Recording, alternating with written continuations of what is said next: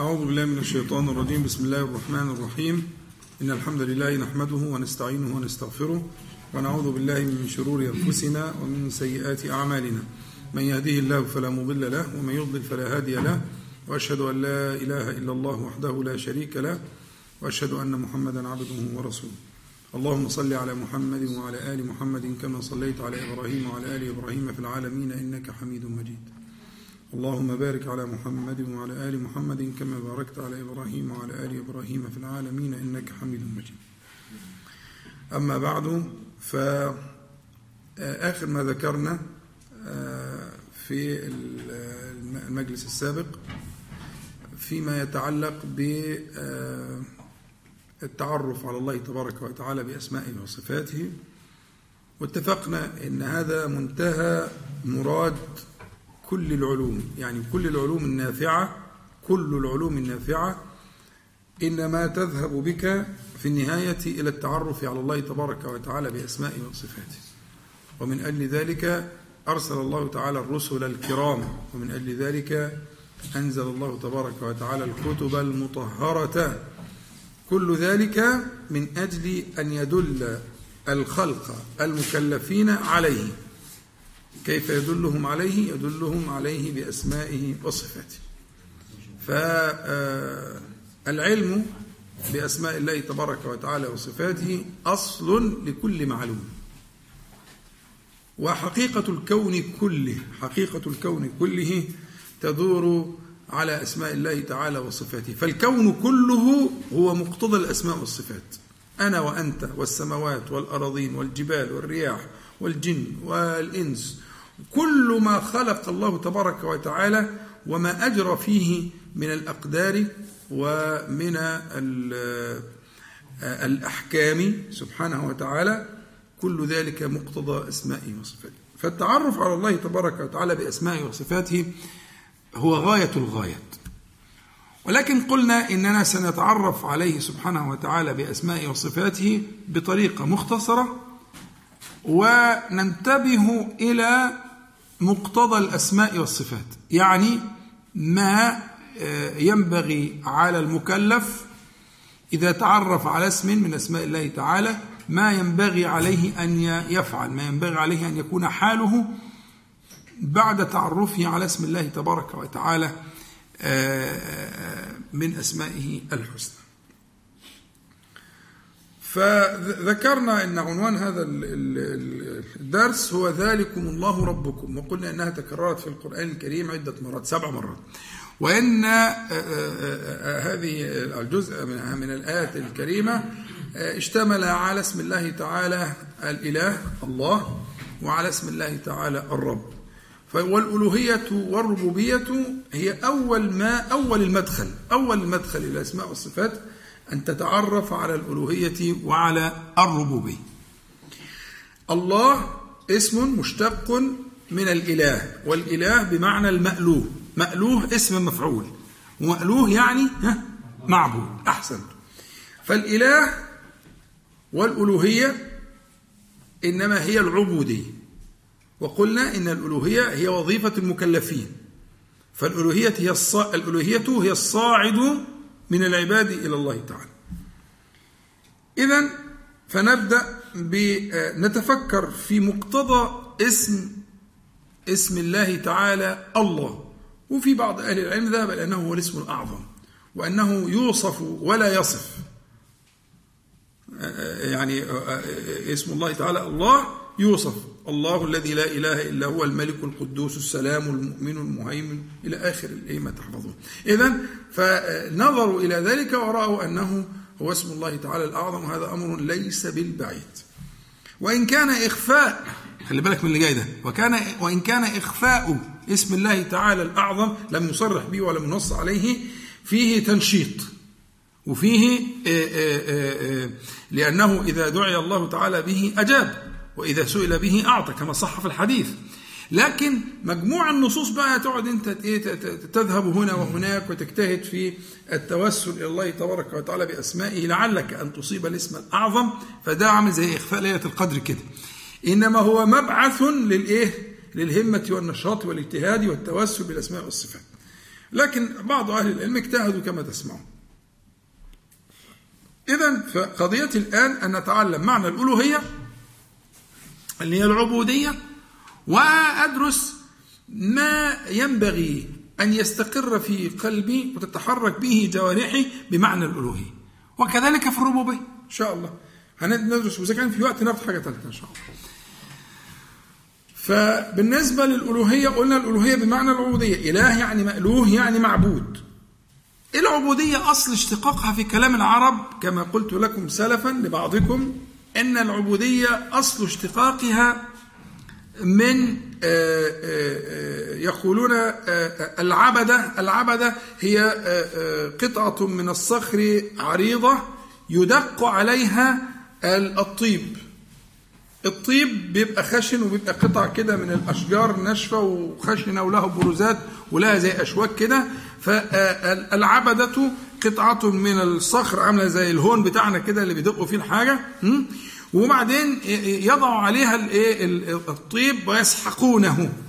فكل الخشونة والبروزات والأشياء اللي زي كده بتبقى بتذهب لغاية لما يبقى الطيب تراب يتحول إلى تراب. تذهب صلابته وخشونته ولذلك سموها العبدة. العبدة.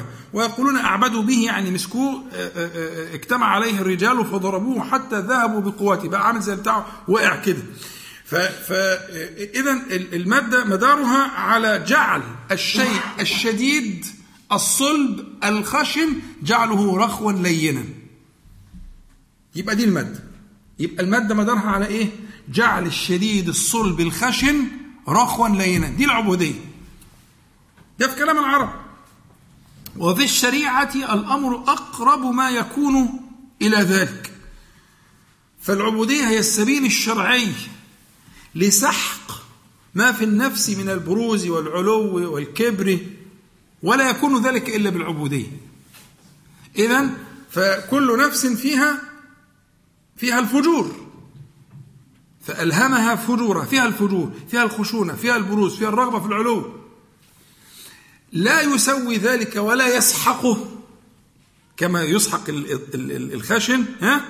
إلا أنه يخش الهون ويتدق عليه اللي هي قضية العبودية التعبيد.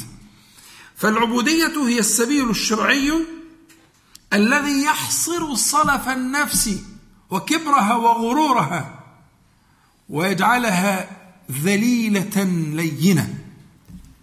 دي معنى العبودية. إحنا لسه ما قلناش المقتضى إحنا لسه بنفهم يعني إيه؟ عبودية. يعني إيه ألوهية؟ يعني إيه الله؟ الله هو المعبود. فالعبادة ينبغي أن تصل بك إلى ذلك. طب وهو في حد معصوم من أن يكون عنده من الصلف ومن الرغبة في العلو ومن الكبر وكذا هذا لا يكون إلا للمعصومين. والعصمة لا تكون إلا للأنبياء. لكن كل المكلفين ها؟ يتفاوتون في هذا المقدار. كلنا كل الناس عندهم من ذلك. تأتي العبودية فتسحق ذلك وتذهب بغلظ النفس وعلوها فتجعلها لينة بين يدي الله تعالى ولله تبارك وتعالى. إذا فإذا فهمت ذلك وقلنا إن مدار المادة على الذل والانقياد فتوحيد الألوهية هو الله يعني ألا يكون ذلك إلا لله تبارك وتعالى. فلا يكون ذل ولا يكون انقياد أن تعبد الله تبارك وتعالى وحده بالذل والانقياد فلعل ذلك أن يبلغك أن يذهب ما في نفسك آه، من الصلف والغرور والكبر والعلو ويكفيك يكفيك أن تعلم أنه لا يدخل الجنة من في في قلبه مثقال ذرة من كبر. طيب أنا عايز أعرف مثقال الذرة ده قد إيه؟ يعني متناهي الصغر. ده إحنا لازم تحصل عملية تطهير وإبادة. إبادة لكل تلك المعاني في القلب. لأنه يحبس. اللي عنده مقدار الذر من الكبر يحبس حتى يطهر قلبه من ذلك ويذهب عنه ما فيه من الصلف ومن الغرور وما إلى ذلك فإيه؟ يحصل بقى الإيه؟ واخدين بالكم؟ يبقى اذا قضية الألوهية اتضحت في ذهنك. مقتضاها أن تفرد الله تبارك وتعالى حينما تقول لا إله إلا الله يعني لا معبود بحق إلا الله فيكون الذل كله والانقياد كله لله تبارك وتعالى لا شريك له. فكلما تحققت بهذا المعنى بعبودية الباطن وعبودية الظاهر هم في التسهيل في دراسة المسألة بيقسموا العبودية إلى عبودية باطن وعبودية ظاهر عبودية الباطن اللي هي عبودية القلب اللي هي تشتمل على إيه؟ على اليقين والرجاء والتوكل والإنابة والإخلاص والحب والرهبة والرغبة والخوف والطمع كل ذلك. دي أعمال أعمال الباطن يعني لو قلت لي مثلا الرهبة دي عمل العينين ولا الإيدين ولا الودان لا العمل الرهبة دي عمل عمل القلب. ها؟ وكذلك سائر ما ذكرت لك. فإفراد الله تبارك وتعالى على نحو من الذل له سبحانه وتعالى بهذه المعاني هو المقصود بعبودية وعبودية الظاهر هي ما يكون يقسمونها برضه للتسهيل يقسمونها إلى عبودية اللسان وسائر الأركان لأن اللسان له خصوصية. اللسان له خصوصية وله وظيفة مميزة له وظيفة مميزة في العبودية. مميزة جدا. فلذلك يقول عبودية اللسان وعبودية سائر الأركان. اللسان الذكر والدعاء والاستغاثة والنداء والتوسل وكل كل وظائف الوظائف العبودية للسان. ثم تأتي وظائف بقية الأركان. العطاء والمنع والطواف والسعي والركوع والسجود والجهاد والبذل إلى آخره. فإفراد الله تبارك وتعالى بذلك كله في الباطن والظاهر على نحو من الذل والانقياد هو ده المقصود بكلمة الإيه؟ لا إله إلا الله لا معبود بحق إلا الله. فتظل في حال من المجاهدة إلى أن تلقاه سبحانه وتعالى. الطريق ده له أول بس لا آخر له. هذا الطريق الذي يتكلم عنه له أول معلوم اللي إحنا بنتكلم فيه. آخره تجد فيه النبي صلى الله عليه وسلم. ده منتهى العبودية. أعبد خلق الله لله تبارك وتعالى. هو محمد صلى الله عليه وسلم. ولا يبلغ رتبته أحد من خلق الله. لا ملك مقرب ولا نبي مرسل. فإذا هو هو هو غايتنا كده يعني. هو هو دليلنا. هو هادينا صلى الله عليه وسلم في آخر الطريق. إحنا هذا الطريق الذي نسعى فيه في العبودية هو طريق ولذلك هو احتاج صلى الله عليه وسلم أن يصرح بذلك وأن يقول أما إني أعلمكم بالله وأتقاكم له. لما جم الثلاثة الذين سألوا عن عبادة النبي صلى الله عليه وسلم فكأنهم تقالوها. فاحتاج الأمر للتنبيه فقال للناس ما بال أقوام يقولون كذا وكذا وقال على كده على المنبر وفي وسط الناس الموضوع كان مهم ولا بد من التنبيه. يقولون كذا وكذا أما إني أعلمكم بالله وأتقاكم له. خلاص؟ فهو بلغ الإيه؟ النهاية في في ذلك صلى الله عليه وسلم وهو قدوتنا في هذا الطريق. فاذا مقتضى العبودية مقتضى الألوهية مقتضى اسم الله تعالى الله حينما تقول لا إله إلا الله لا معبود بحق إلا الله فهذا هو المقتضى أن تراقب نفسك في عبودية الباطن والظاهر أن توحد الله تبارك وتعالى أن يكون ذلك معه على الذل والانقياد. فيش واحد يبقى عبد يقول له والله أنا لسه, ما اقتنعتش. مفيش حاجة اسمها ما اقتنعتش. أنت ممكن تقول كده قبل الإيمان قبل لا إله إلا الله. بس بعد لا إله إلا الله ما فيش كلام زي كده. هو كل ما كل ما تحتاج إليه أن يثبت ذلك أن الله قاله. بس مش أكتر من كده. أن الله قاله. بس. فهمت؟ خلاص. ليس لك إلا أن تكون على نحو الذل والانقياد.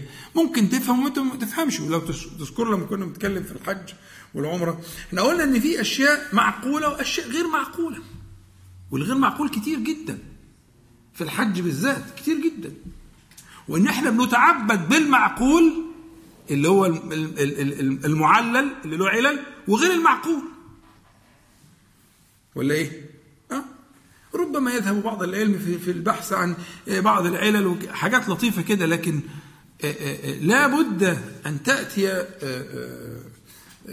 مساحة من العبودية يرفع العقل فيها راية العجز لا بد من العجز أن يعجز عقلك وأن تسجد لله تبارك وتعالى ذلا وانقيادا وأن يسجد عقلك قبل أن يسجد بدنك وجوارحك.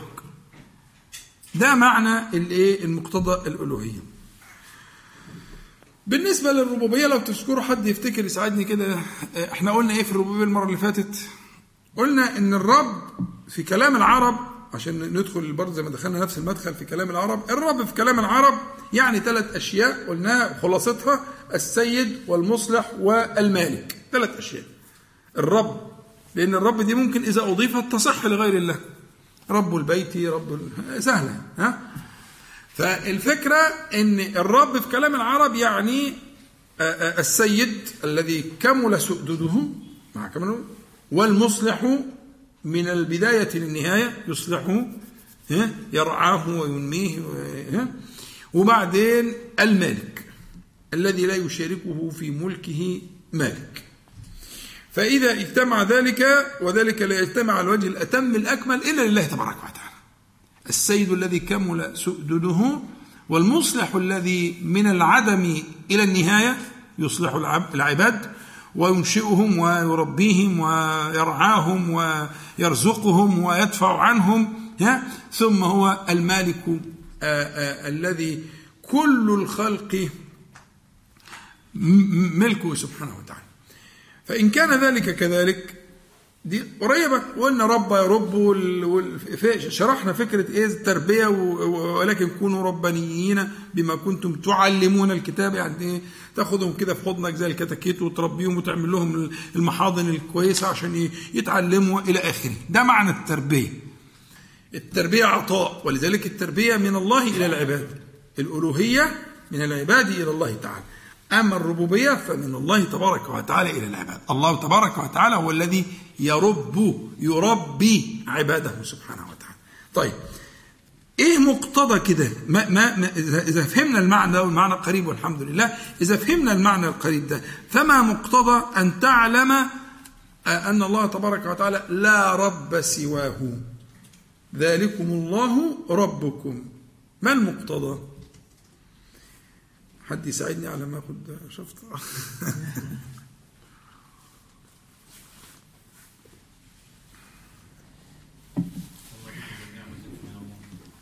جميل. يعني أن يعتقد أن كل ما هو فيه من النعم من الله سبحانه وتعالى وليس من غيره. سبحانه وتعالى إذا أراد المزيد أو الإصلاح أو كده تمام؟ أحسنتم كده أساتذة. آه. ألا له الخلق والأمر. فلما تفرد في الخلق يتفرد في الأمر. هي كده معناها كده. ألا له الخلق والأمر هي الألوهية الربوبية بالظبط هي الألوهية الربوبية. ألا له الخلق دي الربوبية. ها؟ والأمر دي الألوهية. ألا له الخلق وبالتالي فله الإيه؟ الأمر. تمام؟ أحسن كويس جدا. عايزين نبسط الموضوع شوية عايزين نخش في الإيه؟ في الغرض من الدرس. أنت اعتقادك بأنه لا رب سواه سبحانه وتعالى. يخليك تشوف في نصيبك مثلا من النسب والصحة والعلم والذكاء والمال والزوجة والأولاد. لا ما دي كلها ربوبية يا عمي. ما هي دي ربوبية؟ الربوبية هي هي هي ما ما ما اختاره هو لك في كل ذلك. لونك شكلك. والديك الكرام المصونة زوجتك ولادك مالك صحتك عافيتك ما ابتليت به من مرض أو نقص أو أو ما هي دي الربوبية. ده موضوع مهم بقى. آه ده مهم جدا. ده هي الربوبية أن ترى ذلك كله من الله تعالى. واخدين بالكم؟ أن ترى ذلك كله من الله تبارك وتعالى. هتبتدي الرؤية تتغير. يعني إن شئت أن تعترض إن شئت أن تتمرد ها؟ فاذكر أولا وقبل كل شيء أنه إيه؟ هو ربك. وربك يخلق ما يشاء. ما قالش والله. مش كده ولا إيه؟ آه يخلق ما يشاء ويختار. اهدى شوية انت متمرد على إيه؟ على زوجتك؟ متمرد على إيه؟ على وظيفتك؟ على رزقك؟ على عيالك؟ على صحتك؟ ما تفهمني الحكاية إيه؟ ما هي اصل قضية الربوبية لازم تستقر في قلبك. لازم يستقر في قلبك أنه هو الرب. من البداية للنهاية. من العدم إلى الآخرة. إلى الدار الآخرة. هو الرب لا إله إلا هو. ولا رب سواه. يبقى اذا المفهوم بقى يبقى أنا المقتضى هيبتدي ياخد مفهوم آه، داخل في كل حياتي. في جميع التفاصيل. فإذا نظرت إلى هذا النظر طيب أنت عايز تقول لي يا عم الشيخ إن إحنا نسلم بقى؟ أنا ما قلتش كده. أنا أقول الأول تفهم كده. وإذا أردت التغيير ملوش سكة غير كده. صح؟ أصل هو مصدر واحد. الصحة مصدرها واحد. العلم مصدره واحد. الذكاء مصدر واحد. العيال مصدرها واحد. الزوجة مصدرها واحد. كل ما تراه ده له مصدر واحد. فإن شئت فإليه. لأنه لا رب سواه. لا يقدر المقادير. مش كده وبس. ده هو كمان سبحانه وتعالى جعل الدعاء يرفع القدر النازل. كمان.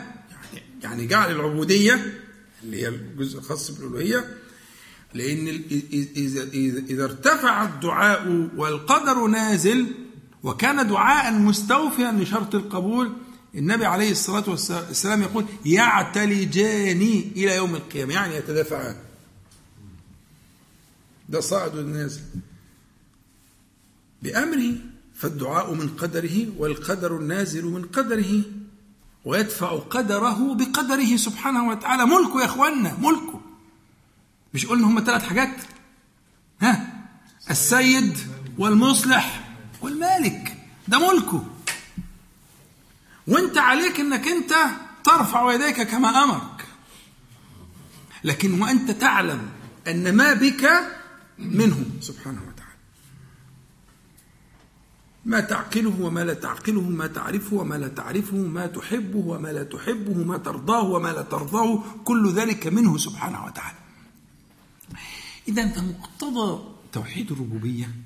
ألا ترى مصدرا لذلك كله من الإيجاد من العدم والخلق والرزق والتربية إلى منتهى الآخرة ألا ترى ذلك إلا من الله سبحانه وتعالى. فإذا مفهوم الربوبية هنا هياخد مفهوم واقعي في حياتك. ولما تيجي تقول يا رب تستحضر المعاني دي. هو موسى قال إيه؟ الله يفتح عليك. رب إني لما أنزلت إلي من خير فقير. استحضر معنى الربوبية. غريب في بلد غريب منقطع لا مال ولا زاد ولا جنس أي حاجة. وخارج هربان من القتل. ولا أي حاجة. فلم فلم يتوجه قلبه إلا إلى ربه سبحانه وتعالى. رب إني لما أنزلت إلي من خير.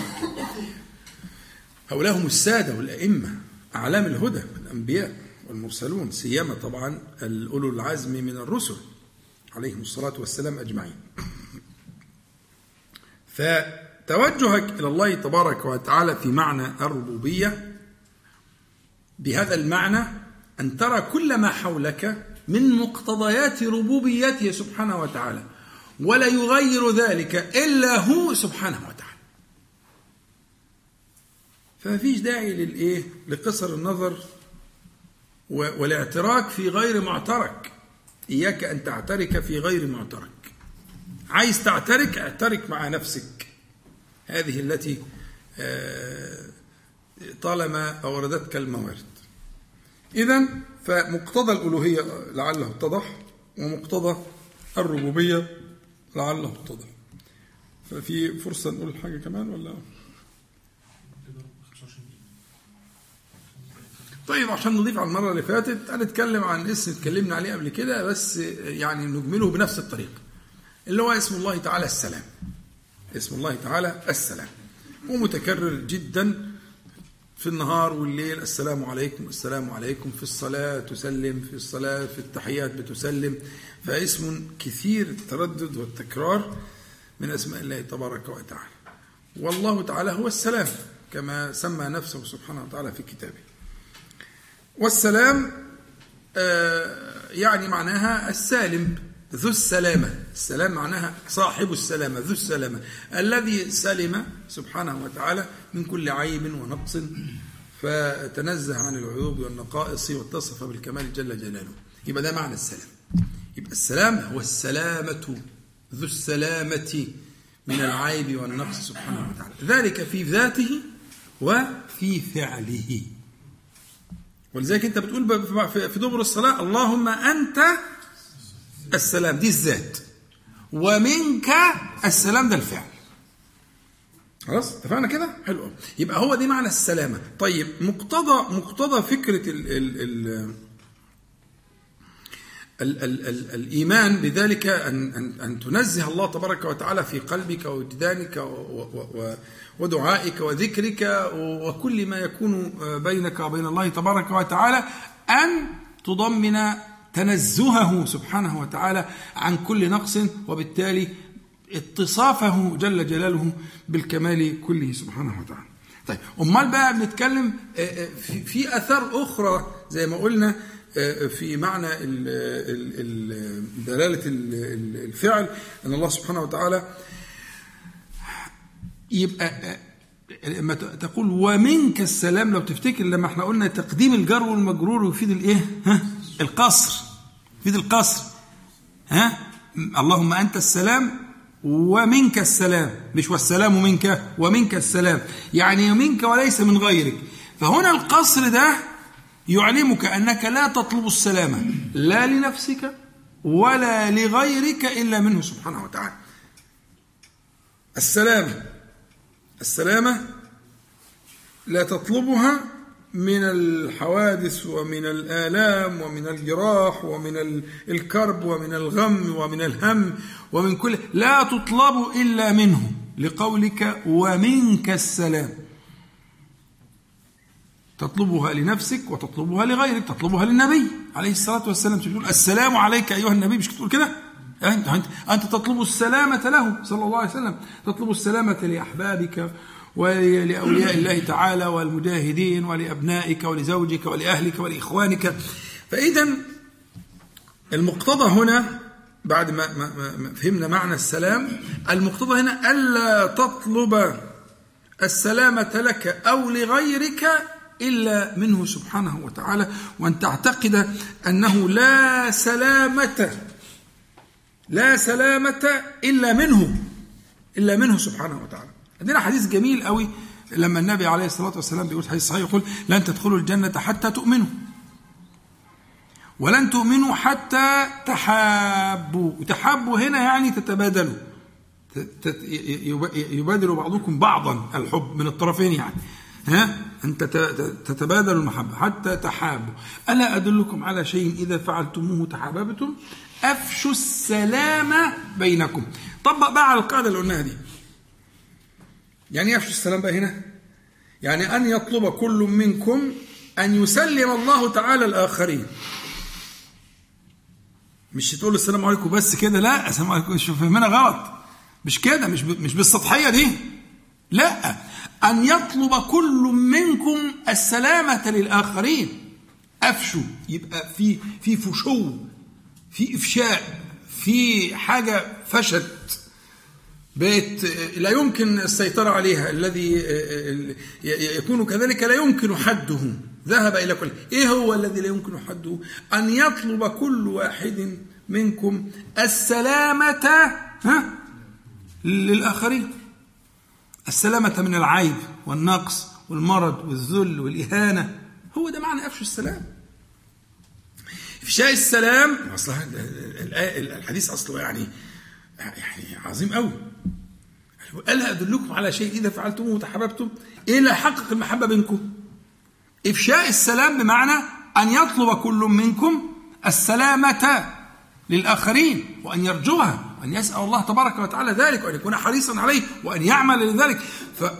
فذلك هو على الأقل أقل الرتب أن يسأل الله تعالى أن يدعو الله سبحانه وتعالى. أن يسلم العلماء والمجاهدون والدعاة وأهل الخير وأن يسلم الجيران والأحباب والإخوان. يكون هو مصدر لذلك وأن يتبادل ذلك الناس جميعا فهنا تدخلون الجنة جميعا. وأيديكم في أيدي بعض. إذا فهذا المعنى دلنا على أن معنى كمثال الحديث اللي ضربناه ألا أدلكم على شيء إذا فعلتموه تحاببتم؟ أفشوا السلام بينكم. فإذا هذا من مقتضى اسم الله تبارك وتعالى السلام. ونتوقف على هنا وإن شاء الله نكمل في اللقاء المرة الجاية بإذن الله. تفضل حضرتك.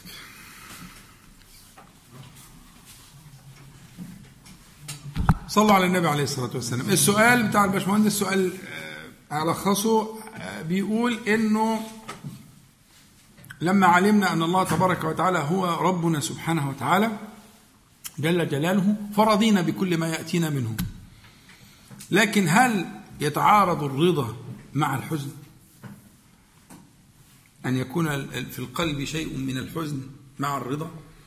الجواب الأول نتكلم على الرضا باختصار لأن ده موضوع قد يطول لكن نختصره. ولما يجي في موضوع إن شاء الله نبقى نوفيه حقه. ونتكلم على الحزن. الرضا نوعين. المتعلق بالله تعالى يعني. الرضا المتعلق بالله تعالى نوعان. رضا بالله ورضا عن الله. سبحانه وتعالى جل جلاله. ومذكورين في القرآن وفي السنة. الرضا بالله مذكور بتقول أنت في أذكار الصباح رضيت بالله ربا اللي هي الربوبية. اللي إحنا من موضوعنا اللي اتكلمنا في الليلة دي. اللي هو فكرة إيه؟ الرضا بالربوبية. بكل ما اختار لك. أنا بتكلم عن الأجزاء اللي أنت ما اخترتهاش. يعني أنت ما اخترتش والدك ما اخترتش لونك ما اخترتش آه، آه، جنسك ما اخترتش إلى آخره. تمام؟ فأنت ترضى باختيار الله تبارك وتعالى. ده رضيت بالله ربا. طيب والأرزاق اللي جاية لك في الصحة والعافية والولد والزوج كل ذلك هو الرضا بالله سبحانه وتعالى. تمام؟ لكن رضي الله عنهم ورضوا عنه جل جلاله سبحانه وتعالى. طبعا ده دي مشاكلة لفظية لأن رضا ربنا سبحانه وتعالى ليس كرضا المخلوق كما شرحنا مرارا يعني. تمام؟ لكن هو المقصود أن اللي يهمني دلوقتي رضا المخلوق عن الله عن الله. هو هنا الرضا عن عن الأقدار المؤلمة. فهو لا ينفي أن تكون مؤلمة وإلا فين الأجر؟ لابد أن يبقى لازم حصول الألم. لابد من حصول الألم وأن تشعر به فإذا حصل الألم وشعرت به ولم يتعارض ذلك مع رضاك عن الله تعالى الذي سبب لك ذلك أو قدر لك ذلك فهذا هو المقصود. أن يسكن قلبك وأن تعلم أن ما في قلبك من الألم إنما هو بقدره سبحانه وتعالى. ولا حد يقدر يعمل حاجة غيره. محدش يقدر يلمك أبدا. دي نهاية. ولا يتسبب لك مخلوق كائنا من كان في الألم. إنما الألم بخلقه سبحانه وتعالى. هو ده الإيمان. لكن ده, ده, ده لا يتنافى مع شعورك بالإيه؟ بالألم. قد نعلم إنه ها لا يحزنك الذي يقول في في في الأنعام. أهو. ده النبي عليه الصلاة والسلام. الكلام الناقص اللي كانوا بيقولوه في مكة ده ها معلم مجنون ساحر شاعر ها مش كده؟ قد نعلم قد تحقيق اهو يعني ده حصل حصل لا محالة. ده ربنا اللي بيقول سبحانه وتعالى النون دي نون العظمة. قد نعلم إنه لا يحزنك أيها النبي المكرم الذي يقولون. إنهم لا يكذبونك ولكن الظالمين بآيات الله يجحدون. دي كشفت الغطاء بقى. ده موضوع تاني. هم عارفين انك نبي وانك صادق وان وان وان عليه الصلاة والسلام. بس ده الجحود ده, ده نوع من الكفر اسمه الجحود. سبب له أسبابه معروفة. لكن هنا قد أصاب النبي صلى الله عليه وسلم من الحزن ما هو منصوص مقطوع به. فحصول الألم وحصول الحزن وحصول الغيظ والمشاعر دي مشاعر بشرية. اوعى تفتكر إن أنا منفيها ده ربنا لما مدحهم قال والكاظمين الغيظ. يعني اللي ما أصلا ده عايزين نعرضه على طبيب نفسي. اللي ما بيتغلص ده ده عنده خلل. هو الشريعة إنك تتغاظ بس يبقى في عندك قوة لقذم الغيظ لحبس الغيظ. لكن حصول الغيظ ده شيء بشري لابد منه. لكن تجد ما يحملك على كظم الغيظ وحبس الغيظ. خدت بالك؟ اوعى تفتكر إن أنا بتكلم على نفي هذه المشاعر البشرية ابدا. لابد من وجود هذه المشاعر البشرية وتيجي الشريعة تهذب وتربي وتوجه هذه الطاقات. توجيه هذه الطاقات. ماشي يا شباب؟ كده خلصت؟ طيب. أي يا عمرو كده في نفس الملف ولا ملف تاني؟ طب ماشي براحتك براحتك أنا ماشي يعني. أنت المفروض المرة الجاية تبقى أنت يعني قاعد قريب طيب. في آه بسم الله الرحمن الرحيم. الحمد لله رب العالمين. اللهم صل على محمد وانزله المقعد المقرب منك يوم القيامة. في شكوى إن في الظروف الحالية في نوع من أنواع الفتور شوية في أعمال الإيمان والبر والطاعات والحاجات اللي زي كده. وده له أسباب كتير. ربما نتعرض لها إن شاء الله في جزء منها المرة دي والمرة الجاية في في جزء آخر. لكن في علامات على الطريق صون هادية على الطريق إلى الله تبارك وتعالى. حذاري أن تفقدها. تدلك ولو أنت ماشي في صحراء مظلمة لو أنت في البحر. هذه العلامات هي التي تهديك. وتدلك على الطريق. ولا تسمح ابدا بضياعك ابدا ابدا. ففي بعض النصوص الشرعية تحتاج لوقوف. من ضمنها النص اللي إيه؟ هقوله مرة ولو حد سمعه هديله جايزة إن شاء الله. اقوله مرتين إن شاء الله. يعني إيه؟ أنتم مدعوون أما كل مرة بعمل الحكاية دي كنوع من التنشيط. هو النص فيه شيء عجيب. اولا هو حديث رواه مسلم رحمه الله في صحيحه من طريق ابن مسعود بس موقوف على ابن مسعود. العلماء بيقولوا إن الكلام اللي موجود في الحديث ده يأخذ حكم المرفوع. ففي أحيانا أحاديث موقوفة موقوفة انها من كلام الصحابة كلمة موقوف يعني من كلام الصحابة. بس تأخذ حكم المرفوع. ليه؟ يقولوا المعاني اللي فيها معاني نبوية. بس الصحابي عبر عنها جمعها وعبر عنها بألفاظه هو فليست ألفاظا نبوية. ولكنها معاني نبوية. فالحديث اللي هنقوله دلوقتي ده في صحيح مسلم هو موقوف على ابن مسعود ولا الحكم المرفوع. طيب ابن مسعود بيقول إيه؟ بيقول من سره أن يلقى الله غدا مسلما فليحافظ على هؤلاء الصلوات حيث ينادى بهن هم ست جمل عشان اللي عايز يحفظ يسهل له المهم. دي الجملة الأولى. من سره أن يلقى الله غدا مسلما فليحافظ على هؤلاء الصلوات حيث ينادى بهن. في قوله أن يلقى الله غدا مسلما تتنور معاك آية في سورة ال عمران يا أيها الذين آمنوا اتقوا الله حق تقاته ولا تموتن إلا وأنتم مسلمون. استجابة للآية دي كيف تكون؟ يلا عايز حد يناقشني. لما ربنا تعالى يقول ولا تموتن إلا وأنتم مسلمون. طب هو حد عارف يموت إمتى؟ آه. أحسن.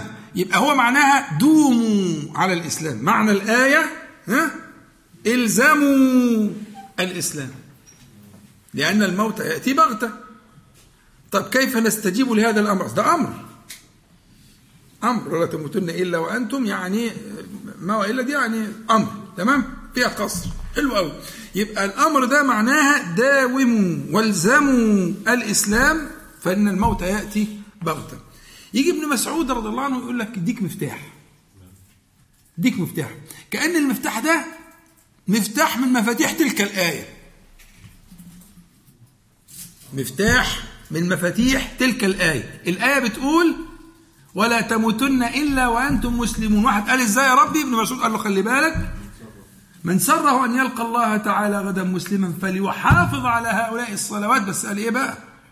حيث ينادى بهن.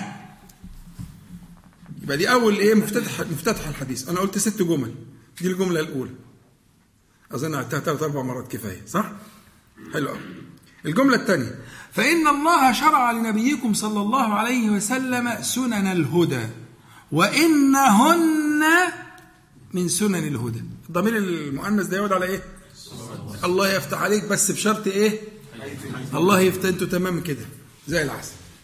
مظبوط؟ يبقى هو بيعلل الاولاني بيقول فا فا فإن الله يعني إنما هذا الأمر أهو فليحافظ أهو. فإن الله تعليل الأمر المتقدم حفظتوها أنتوا فإن دي تمام؟ فإن الله شرع لنبيكم ها سنن الهدى وإنهن من مش كل بس من عيون من كبريات من أصول من معالم الطريق وإنهن من إيه؟ من سنن الهدى. كلام جميل جدا. الجملة الثالثة. ولو أنكم صليتم في بيوتكم كما يصلي هذا المتخلف في بيته لتركتم سنة نبيكم. ولو تركتم سنة نبيكم لضللتم. الكلام ده ما ينفعش يكون كلام نبوي. مش تكونوا فاهمين. لذلك ناس من أهل العلم المحققين قالوا إنه يأخذ حكم المرفوع. ولو أنكم صليتم في بيوتكم. كما يصلي هذا المت... هذا المتخلف مش شخص بعينه يعني هو مش. لا يقصد شخصا بعينه. ولكن المتخلف لكن اسم الإشارة هنا بيعمل نوع من الاستحضار كأن تمثلت هيئة كده لشخص معين يعني كريه. ها؟ ولو أنكم صليتم في بيوتكم كما يصلي هذا المتخلف في بيته لتركتم سنة نبيكم. ولو تركتم سنة نبيكم لضللتم دي الجملة إيه؟ احسنتم اعيدها ولا كده خلاص. حفظته؟ طيب. ثلاثة معقول. طيب يبقى أنت ثلاثة وغيرك يقول الثلاثة التانيين إن شاء الله. خلاص أنت أول واحد يقول الثلاثة الأولانيين. حلو جدا. طيب الجملة الرابعة. وما من رجل يتطهر في بيته فيحسن الطهور. فيحسن الطهور. ثم يعمد إلى مسجد من مساجد الله تعالى إلا كتب له بكل خطوة حسنة ورفع بها درجة وحط عنه بها سيئة. ده نوع من الترغيب. نوع من الترغيب. يبقى المسألة لا تجد مثل هذا الجزاء في غير ما أدعوك إليه. وما من رجل يتطهر في بيته فيحسن الطهور ثم يعمد إلى مسجد من مساجد الله إلا كتب له بكل خطوة حسنة. ورفع بها يعني بتلك الخطوة درجة وحط عنه بها سيئة. إذا هذا أراه غاية الترغيب. منتهى المنى. اللي قبل كده كان فيه ترهيب. اللي هو إيه؟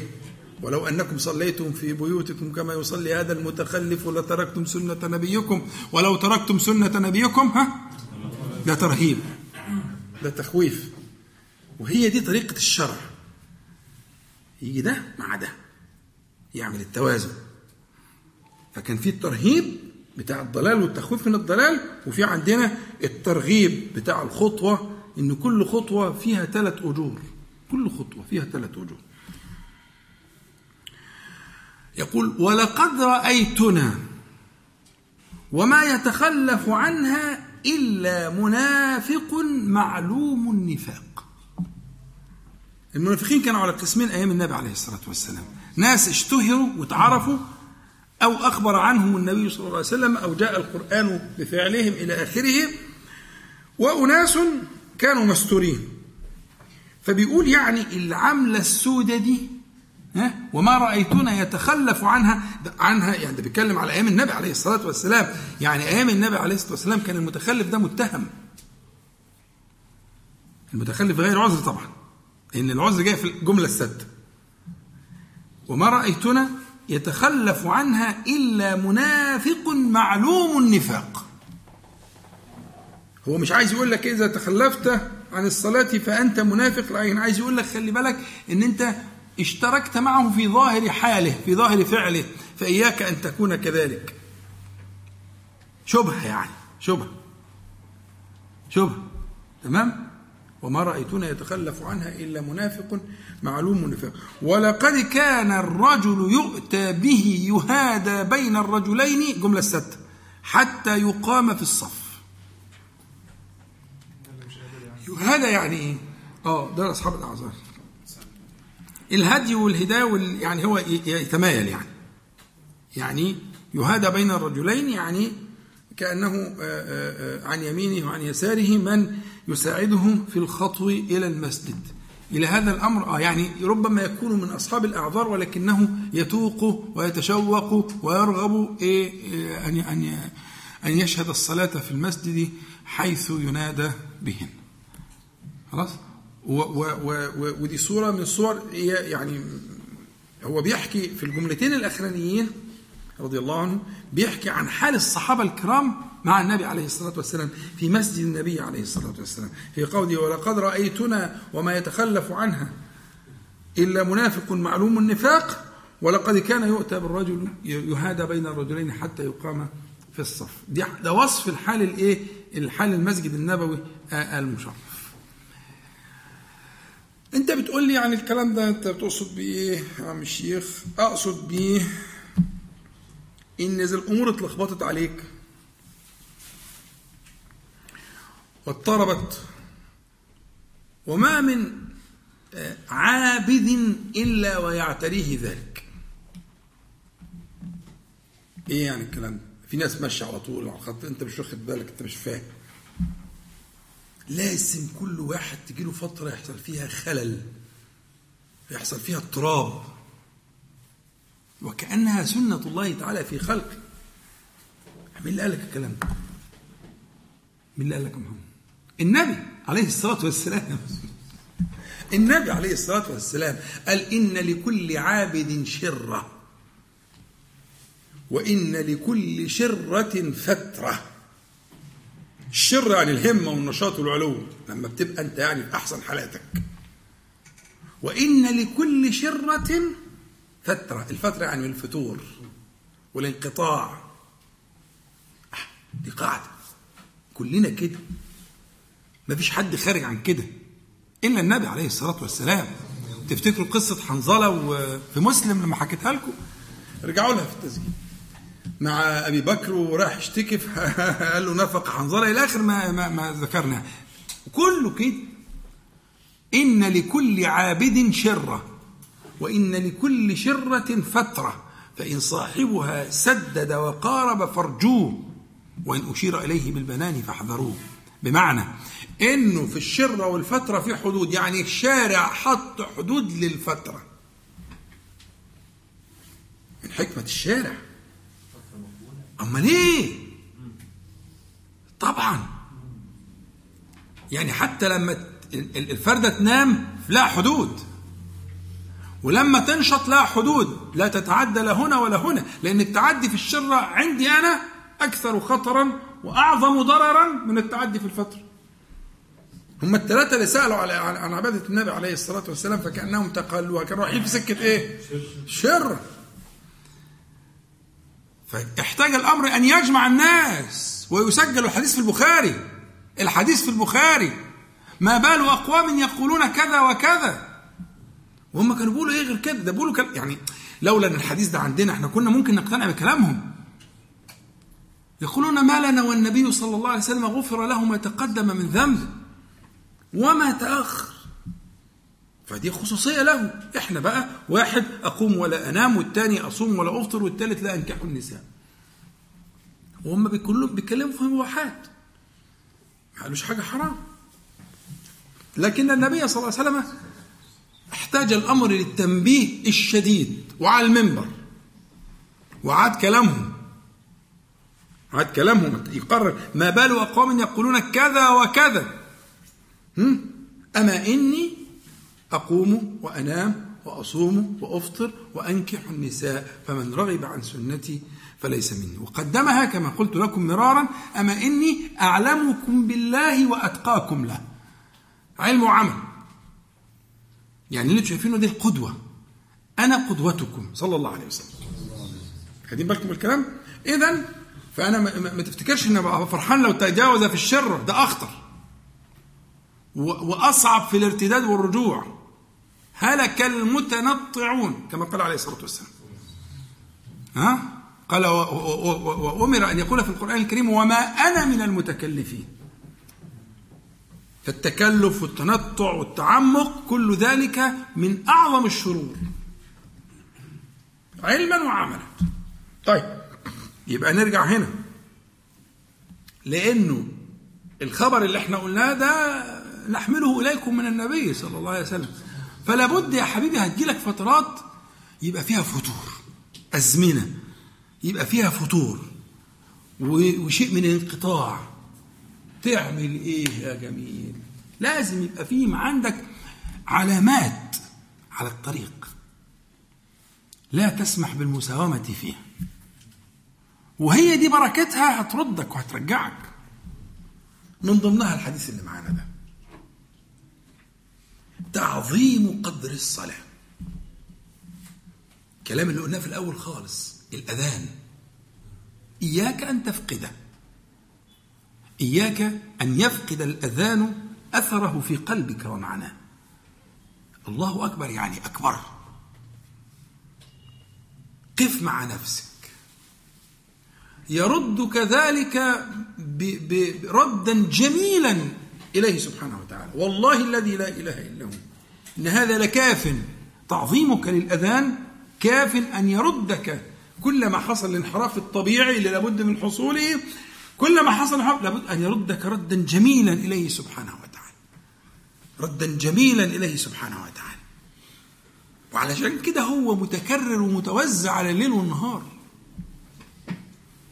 فاهمين؟ يعني من الحكم على تفرق الصلاة. وتوزعها على الليل والنهار على الأحوال المختلفة والأزمان المختلفة. من الحكمة في ذلك أنك أنت نفسك متقلب وليك أحوال.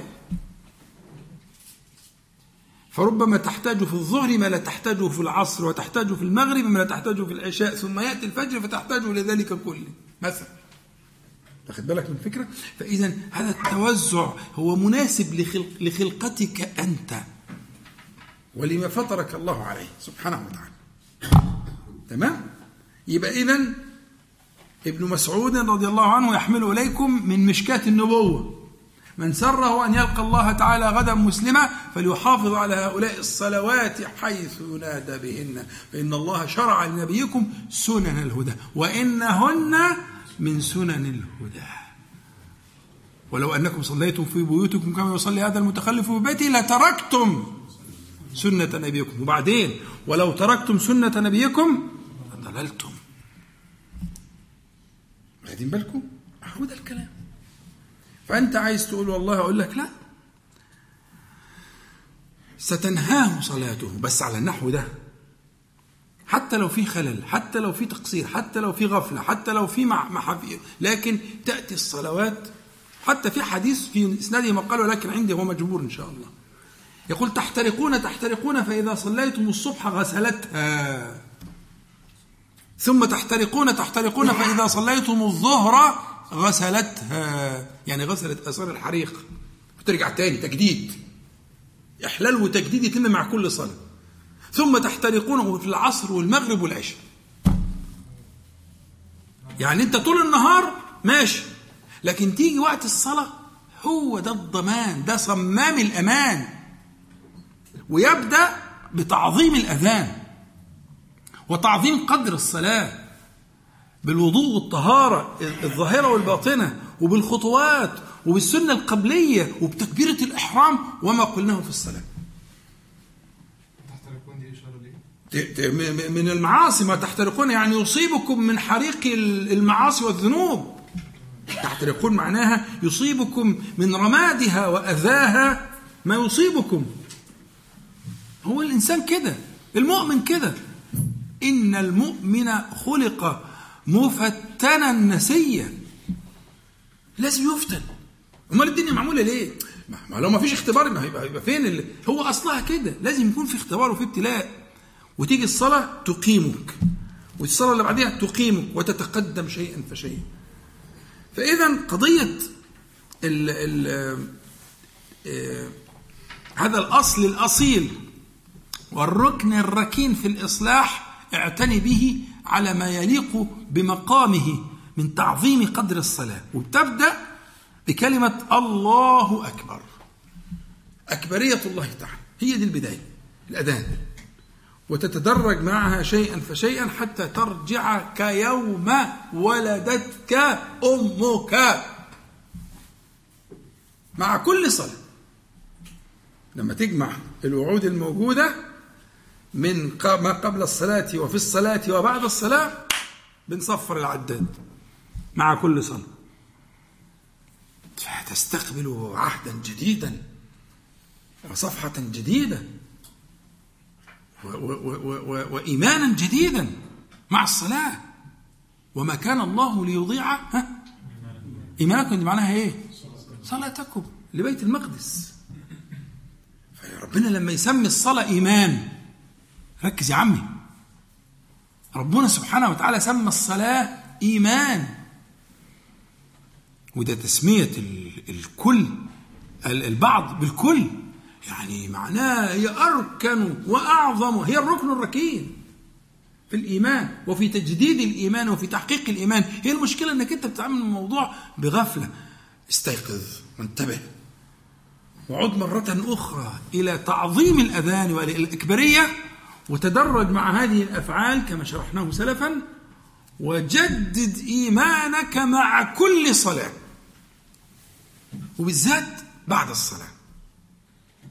والله القعدة اللي بعد الصلاة دي أقسم بالله كأن الواحد جالس على الدنيا قاعد عليها قد علاها هي تحته. والله فعلا. الحالة من السكينة والوصل مع الله تبارك وتعالى بعد الصلاة إن ربنا أكرمك بده كله وحضرت تكبيرة الإحرام وصلي وطهرت وتوضيت وظاهر وباطن ووفقك إلى ما وفق إليه وبعدين أنت قاعد دلوقتي قاعد على الدنيا. ومرفوع موقوف على ابن عباس وغيره وابن مسعود وغيره أنهم قالوا في تأويل قوله تعالى فإذا فرغت فانصب أن فرغت يعني من الصلاة المفروضة فانصب فيما بعدها من الذكر ده تفسير لهم تفسير وتفسير صحيح وسنده صحيح غاية الصحة وقد حققت سنده. رؤية بديعة. فإذا فرغت من فريضتك فانصب فيما يكون من ذكر الله تعالى دبر الصلوات. نعمة كبيرة جدا. وتجدد الإيمان. والله تبارك وتعالى قريب حبيب. فأقبل عليه سبحانه وتعالى وابدأ بهذه. أنا لا أعقد عليك الأمور ولا أقول لك هندرس أصول فقه ولا لا. لا لا لا لا أنا بقول لك عظم الصلاة تعظيم قدر الصلاة أكبرية الله تعالى طوق النجاة في هذه الحياة الدنيا بكل ما فيها من لخبطة. فإذا يعني ما ذكرت هذه النصيحة لابن مسعود رضي الله عنه التي يحملها إليك من مشكاه النبوة فعض عض عليها بنواجذك عض عليها بنواجذك طيب نكتفي على هذا المقدار وتاخذوا بقى أظن كده تاخذوا الفسحة بس أرجو ألا تطول يعني إن شاء الله ونلتقي بعد الفسحة. سبحانك اللهم ربنا وبحمدك أشهد أن لا إله إلا أنت أستغفرك وأتوب أعوذ بالله من الشيطان الرجيم. بسم الله الرحمن الرحيم. الحمد لله رب العالمين. اللهم صل على محمد وعلى آل محمد كما صليت على إبراهيم وعلى آل إبراهيم في العالمين إنك حميد مجيد اللهم بارك على محمد وعلى آل محمد كما باركت على إبراهيم وعلى آل إبراهيم في العالمين إنك حميد مجيد. في الراحة آه، في إخوة سألوا على الحديث إن لكل عابد شرة وإن لكل شرة فترة فإن صاحبها سدد وقارب فارجوه وإن أشير إليه بالبنان فاحذروه وأرادوا شرح الحديث. فقلت إن شاء الله المرة الجاية فكروني نبدا بيه لأنه هيحتاج فقرة مستقلة إحنا كنا بنستشهد بيه. لم يكن أصلا في صلب المحاضرة لكن آه، آه، حديث عظيم وله روايات كثيرة وقد وفقني الله تعالى وجمعت كل روايات الحديث. وإن شاء الله نجيب بكل ألفاظه ورواياته ونشرحها. إن شاء الله المرة الجاية فكروني بس وإن شاء الله نبدأ به لأنه حديث في في متعلق بما كنا نتكلم في قضية الاستقامة. وانقطاعات الطريق والإفراط والتفريط وما إلى ذلك. طيب إيه معنى فإن صاحبها سدد وقارب؟ فارجوه. وإيه معنى إن أشير إليه بالبنان؟ فحضروه إلى آخر الحديث الروايات الحديث خلال المرة الجاية إن شاء الله. آه بالنسبة للحديث آه، من سره أن يلقى الله تعالى غدا مسلمة. آه رواية مسلم إحنا كنا طلبنا إن حد يسمعه. فهو الباشمهندس محمد مستعد. نسمعه منه ونبدأ الفقرة الجاية إن شاء الله. تفضل في صحيح مسلم آه، روى موقوفا عن ابن مسعود وله حكم مرفوع. من سره أن يلقى الله غدا من سره أن يلقى الله تعالى غدا مسلما فليحافظ على هؤلاء الصلوات حيث ينادى بهن. وإن الله شرع فإن. فإن الله شرع لنبيكم سنن الهدى وإنهن لمن سنن الهدى. من غير لام وإنهن من وإنهن من من سنن الهدى. تمام أحسنت. دي الجملة الثانية الجملة الثالثة. اللي هي بتاعت خالص نسيت أولها ولو أنكم ولو أنكم صليتم في بيوتكم كما يصلي هذا المتخلف في بيته لضيعتم سنة لتركتم. لتركتم سنة نبيكم. أيوه. ولو تركتم سنة نبيكم لضللتم. أيوه. آه وما من رجل وما من رجل وما من رجل منكم تطهر في بيته فأحسن الطهور؟ ما هو رجل يتطهر في لا لسه لسه دي اللي بعدين وما من رجل يتطهر فيحسن الطهور. يحسن الطهور ثم يعمل إلى بيت من بيوت الله تعالى. المسجد ماشي. آه، إلا كتبت له حسنة ورفع به رفع الأول بكل خطوة. كتب له بكل خطوة حسنة. أيوة. ورفع له بها درجة. أيوة. وحطت عنه سيئة. أيوة. بها سيئة. وحطت عنه بها سيئة. أيوة. ولقد رأيتنا وما يتخلف عنها إلا منافق معلوم النفاق. أيوة دي الخمسة الستة. آه وإنه ليؤتى بالرجل يهادى. ولقد كان. ولقد كان يؤتى بالرجل ولقد كان الرجل يؤتى به يهادى بين الرجلين. ولقد كان الرجل يؤتى به يهادى بين الرجلين. حتى يقام. الصف تخيل بالك هنا يقام دي مبنية لما لم يسمى فاعله. يعني يقيمه غيره يعني يعني متلصم كده يعني يعني واخد بالك؟ يقام يعني مش حتى يقوم هو هو مش قادر حتى يقوم بنفسه يعني. ده من حرصهم على آه، آه، آه، الجماعة وشهود الخير الذي يكون في المساجد. أحسنت يا سيدي أحسنت.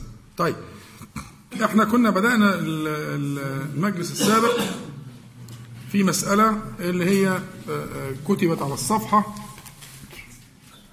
كنا بنقارن بين نوعي التكليف قلنا التكليف الشرعي إما أن يكون فعلا وإما أن يكون تاركا. فذكرت لكم وجوها ثلاثة للمقارنة بين الفعل والترك. الوجه الأول أيهما أشق؟ أيهما في باب المجاهدة المجاهدة أشق. وثانيهما أيهما في الأجر أعظم. وثالث وثالثهما أيهما في الترتيب أولى. فإحنا إن شاء الله يعني نقسم الكلام على هذا المعنى إلى مجالس لدقته وعشان ياخد حقه إن شاء الله. وعايزين نبدأ في زي ما بدأنا في المجاهدات في الفعل عايزين نتفق على مجاهدات في الترك. تمام؟ كنا بدأنا قبل كده ولم نصب نجاحا يعني للأسف. وهذا كأنه نوع من أنواع أن أنا بقول لكم يعني رأيي من الأول يعني. ليه؟ عندنا حديث في صحيح آه، البخاري ومسلم متفق عليه من رواية أبي هريرة رضي الله عنه أن النبي صلى الله عليه وسلم قال ما نهيتكم عنه فاجتنبوه. وما أمرتكم به فأتوا منه ما استطعتم. فإنما أهلك الذين من قبلكم كثرة سؤالهم واختلافهم على أنبيائهم انتهى الحديث. نقول كمان مرة. في, في, في متفق عليه رواه البخاري ومسلم من رواية أبي هريرة. أن النبي صلى الله عليه وسلم قال ما نهيتكم عنه فاجتنبوه. وما أمرتكم به فأتوا منه ما استطعتم فإنما أهلك من كان قبلكم كثرة سؤالهم واختلافهم على أنبيائهم فكأن الحديث ده بيجاوب لنا من غير البحث وال والشرح له. في البداية كده بيجاوب لنا على جزء في القضية بتاعتنا. هنا في تفريق بين النهي وبين الأمر في الحديث صح؟ إيه وجه التفريق بقى؟ قول.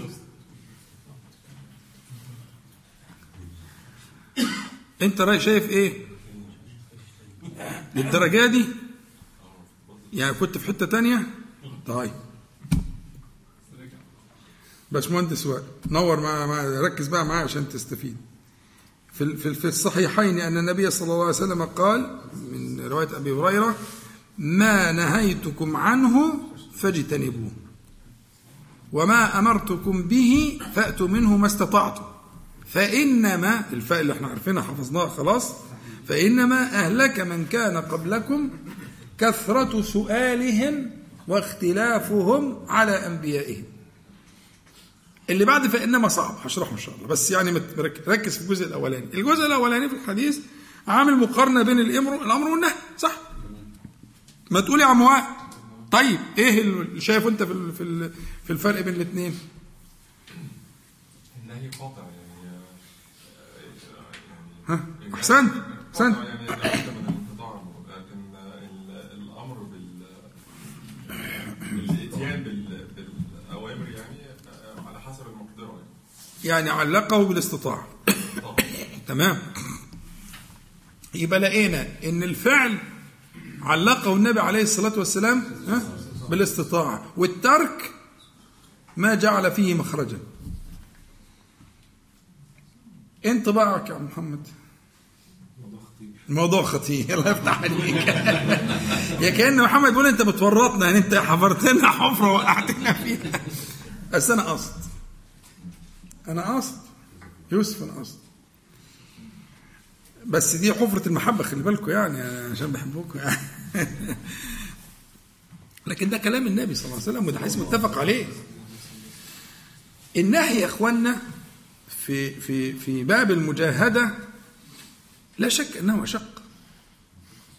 النهي أنا قلت ثلاث معايير. قلت ثلاث معايير. المعيار الأول ذكرته في, في, في مشقة المجاهدة. في مشقة المجاهدة النهي أشق قولا واحدا أصل النهي ما فيش فيه ما فيش فيه مخارج. ضد الشهوه ما فيش فيه مخارج يعني. هو إيه ما نهيتكم عنه فاجتنبوه. وكمان فاجتنبوه دي كلمة تقيلة شوية. عارف فاجتنبوه يعني إيه؟ مش ما قالش فاتركوه. ما قالش فذروه. الاجتناب الافتعال من الجنب. يعني انت في جنبه وهو في جنبه. هل ممكن واحد يتصور إن جنبه اليمين يلتقي مع جنبه الشمال يا عم هو ده. كما لا يلتقي جنباك فهو ده الاجتناب. آخر مرحلة من تحريم الخمر كانت إيه؟ اللي هي في المائدة إنما الخمر والميسر والأنصاب والأزلام رجس من عمل الشيطان ها؟ الاجتناب يعني إذا التقى جنباك فليلتقي. فكما أن جنبيك لا يلتقيان فكن كذلك. دي معنى فاجتنبوه كلمة تقيلة يعني. مجاهدة مجاهدة يعني. عايزة رجالة زي حضراتكم كده. ما نهيتكم عنه ها؟ فاجتنبوه. وما أمرتكم به فأتوا منه ما استطعتم. والتكاليف كلها التكاليف الأوامر منوطة بالاستطاعة. وبتسقط بعدم الاستطاعة بالوجود البدائل أو حتى من عدم وجود البدائل. موضوع واسع جدا وسهل وقريب. لكن المنهيات غير كده خالص. منهيات لابد فيها من الحزم والعزم. إذا أول بعد لقيناه في الحديث هو قوله صلى الله عليه وسلم ما نهيتكم عنه فاجتنبوه حفظتوها؟ ها؟ اوعى تنسوها عشان دي موجودة في القرآن وفي السنة وكلمة جميلة وبديعة واوعى تنساها. مش كلمة خفيفة كده لا ده اجتنبوه دي آخر حاجة. الحم... الخمر حرم في القرآن الكريم في أربع مراحل. أربع مراحل. م? آخر مرحلة هي المرحلة بتاعت تجتنبوا دي اللي هي مرحلة سورة المائدة. خدت بالك؟ فشوف بقى المرحلة الأخيرة كانت عاملة إزاي؟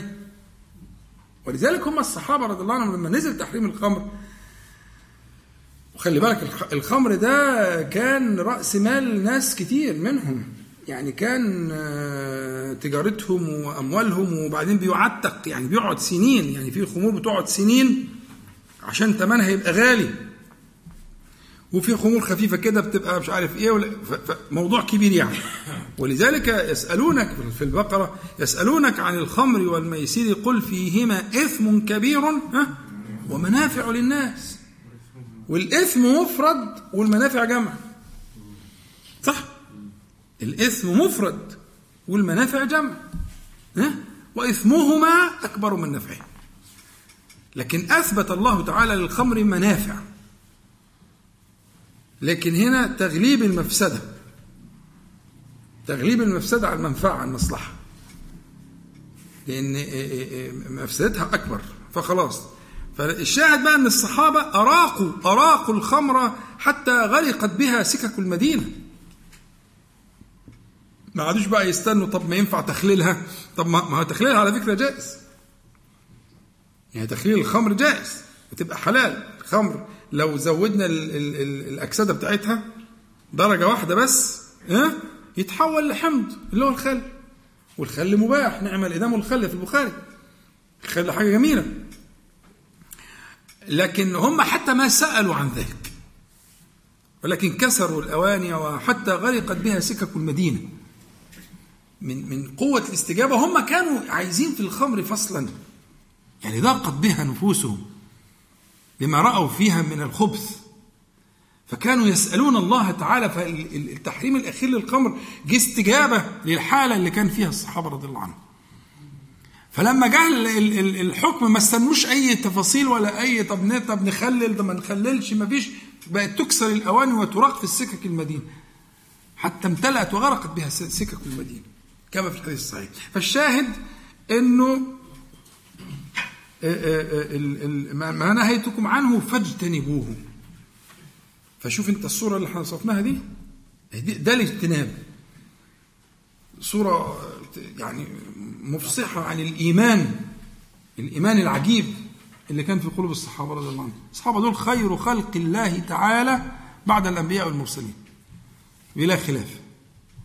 بلا خلاف عند أهل السنة. خير خلق الله تعالى. في مجموعهم بعد الأنبياء والمرسلين هم أصحاب النبي صلى الله عليه وسلم. وخيرهم أبو بكر رضي الله عنه. ده اعتقاد أهل السنة. يبقى ما نهيتكم عنه؟ ها؟ خلاص أظن دي ثبتت رسخت. خلاص؟ الحمد لله. وما أمرتكم به فأتوا منه ما استطعتم. كلمة لا يكلف الله نفسا إلا وسعها إلا ما آتاها كما في القرآن وإيه ما استطعتم دي؟ لها طريقتين في الفهم. صلوا على النبي عليه الصلاة والسلام وركزوا كده الحتة دي فيها دقة شوية. فيها حتى فيها دقة شوية. إيه الموضوع يا عمي؟ فأتوا منه ما استطعتم يعني اخر تجيب آخر. ما استطعتم يعني آخر جهدك. هنا غاية الاستطاعة. يبقى المفروض لما أجي أقول حصل العجز يعني حصل العجز بعد بذل غاية غاية الجهد. بعد بذل غاية الجهد الآن يمكن أن نقول في عجز. يبقى لا يحكم بالعجز إلا بعد استيفاء الوسع. خلاص ما عادش في مكان في المجهود ولا في الطاقة إن إحنا نقدر إيه؟ نعمل. خلاص ما عادش. ساعتها يسقط التكليف. واخد بالك؟ تلاقي ناس في المساجد ناس كبار دول قاعدين يصلوا على الكراسي. تيجي أنت كراجل سني تكلمه تقف واقف تتكلم معاك تقعد تتكلم معاه 10 دقايق وهو واقف. الراجل مستحي ان يقعد على الكرسي بيكلمك بس هو مش فاهم. يعني هو قادر يقف اهو. طب يا عم اقف القيام واقعد في الركوع مثلا. لكن الله أكبر ويروح قاعد على الكرسي. أو يقعد يقول الله أكبر وهو قاعد على الكرسي أصلا. ولما تيجي أنت تتكلم معاه في حاجة ولا عايز تقول له حاجة ولا بتاع يروح واقف احتراما ليك. راجل بقى شيخ وسني وكده. يقف يكلمك يروح واقف. وطولت شوية في الكلام أنت طولت قد الفتحة مرتين ثلاثة وأنت واقف معاه. هي المسألة هم مش فاهمين. الناس عايزة تفهم وعايزة حضراتكم تقوموا بواجب البلاغ والبيان. إنه ما استطعتم دي يعني غاية وسعكم. يعني غاية وسعكم. آخر ما تقدرون عليه. عشان نفهم بس حكاية إيه؟ وما أمرتكم به فأتوا منه ما استطعتم. مفهوم؟ طيب. فإنما أهلك من كان قبلك إنما إحنا عندنا في في البيان زي ما شرحناه قبل كده تفيد الإيه؟ القصر. بس القصر هنا مش حقيقي. القصر هنا ادعائي مش حقيقي تحقيقي. ادعاء يعني إيه ادعائي؟ يعني وهناك أشياء أخرى أهلكتهم. إنما السياق الآن يتعلق بالمذكور. خدت بالك؟ خلاص؟ فإنما المشركون نجس. هم حاجات تانية. لكن هنا القصد إن المقام ده استدعى هذه الصورة من القصر. يبقى في الحديث اللي معانا هنا. فإنما أهلك من كان قبلكم يعني إيه بقى؟ ها؟ يعني وأهلكهم غيرهم لكن السياق الآن معني بهذه المذكورات. يعني لم يكن سبب هلاك آه، آه، آه، من كان قبلكم في خلاف بس الراجح عند جمهور العلم إن هم إن هم جمهور أهل العلم اللي هم اليهود والنصارى. مش أهلك اليهود والنصارى كثرة سؤالهم واختلافهم على انبيائهم بس لا في أشياء تانية أهلكتهم ومذكورة في القرآن الكريم ومذكورة في السنة. أمال إيه بقى معنى فإنما أهلك من كان قبلكم قلت لك هذا فيما يوافق السياق الذي نحن فيه. هذا المناسب للكلام. فإنما أهلك من كان قبلكم كثرة سؤالهم واختلافهم على أنبيائهم الأولانية لكثرة السؤال اللي هي مش معنى كثرة السؤال على إطلاقه ولكن السؤال اللي فيه تعنت. السؤال اللي فيه نية خبيثة. السؤال اللي الغرض منه التهرب والتملص. السؤال اللي الغرض اللي الغرض منه إيجاد الشبه وإيقاع الفتن. خدت بالك؟ لكن كثرة السؤال الصالح للنفع وللعمل الصالح ليس مقصودا هنا. لكن عايز مثال شوف آه، سورة البقرة قصة البقرة سورة البقرة. هي هو ده السؤال المقصود جنس هذا السؤال. ليس المقصود منه العمل ولا التنوير ولا الاهتداء ولا الإيمان لا إطلاقا إنما يقصد منه آه، آه، معاني خبيثة. فكثرة سؤالهم يعني بخبث أو بتعنت. أو بإثارة للفتن أو بإثارة للشبه. ولذلك أنا هخرج سنة صغيرة وهرجع بس خروج أنا شايفه ضروري. المواقع اللي بتتكلم على الشبه واللي بتتكلم على الفتن واللي بتتكلم على الإلحاد واللي بتتكلم على الحاجات اللي زي كده يحذر الاقتراب منها والنظر فيه. ما تقولش أنا مؤمن وأنا موحد وأنا ما يهمنيش وأنا مش عارف إيه الكلام ده لا يتعرض له إلا أهل التخصص. الناس المتخصصة في قضايا أصول أصول الدين والعقيدة وكده هم بس اللي يعرفوا يتعاملوا لكن لا تطلع على هذه الأشياء وتقول أنا موحد ومؤمن و و و ولا يشك بالعكس أنا ممكن أكون سبب في هدايه الخلق. لا محال أن تستطيع إلا أن تكون محصنا آه، بالعلم والفقه وإلى آخره ولك من المرجعية لكن حذاري حذاري من الدخول فيما يكون من هذه الأسئلة وهذه الأطروحات. سيبقى في قلبك وفي صدرك من الحيرة ومن القلق ما لا تستطيع دفعه. كنت أنت في أمان وفي عافيه خلاص؟ فنصيحة ولا حب استطلاع. هو عندي أشد من الدخول في المواقع الإباحية. أشد وإن كان الاثنين في جهنم. لكن جهنم دركات. جهنم دركات. فمن أسفل دركاتها أن تعرض عقلك وقلبك لمواضع الشبهات والكلام في الإيمان والتوحيد وكده. ليس لك ذلك. ده له أهل التخصص.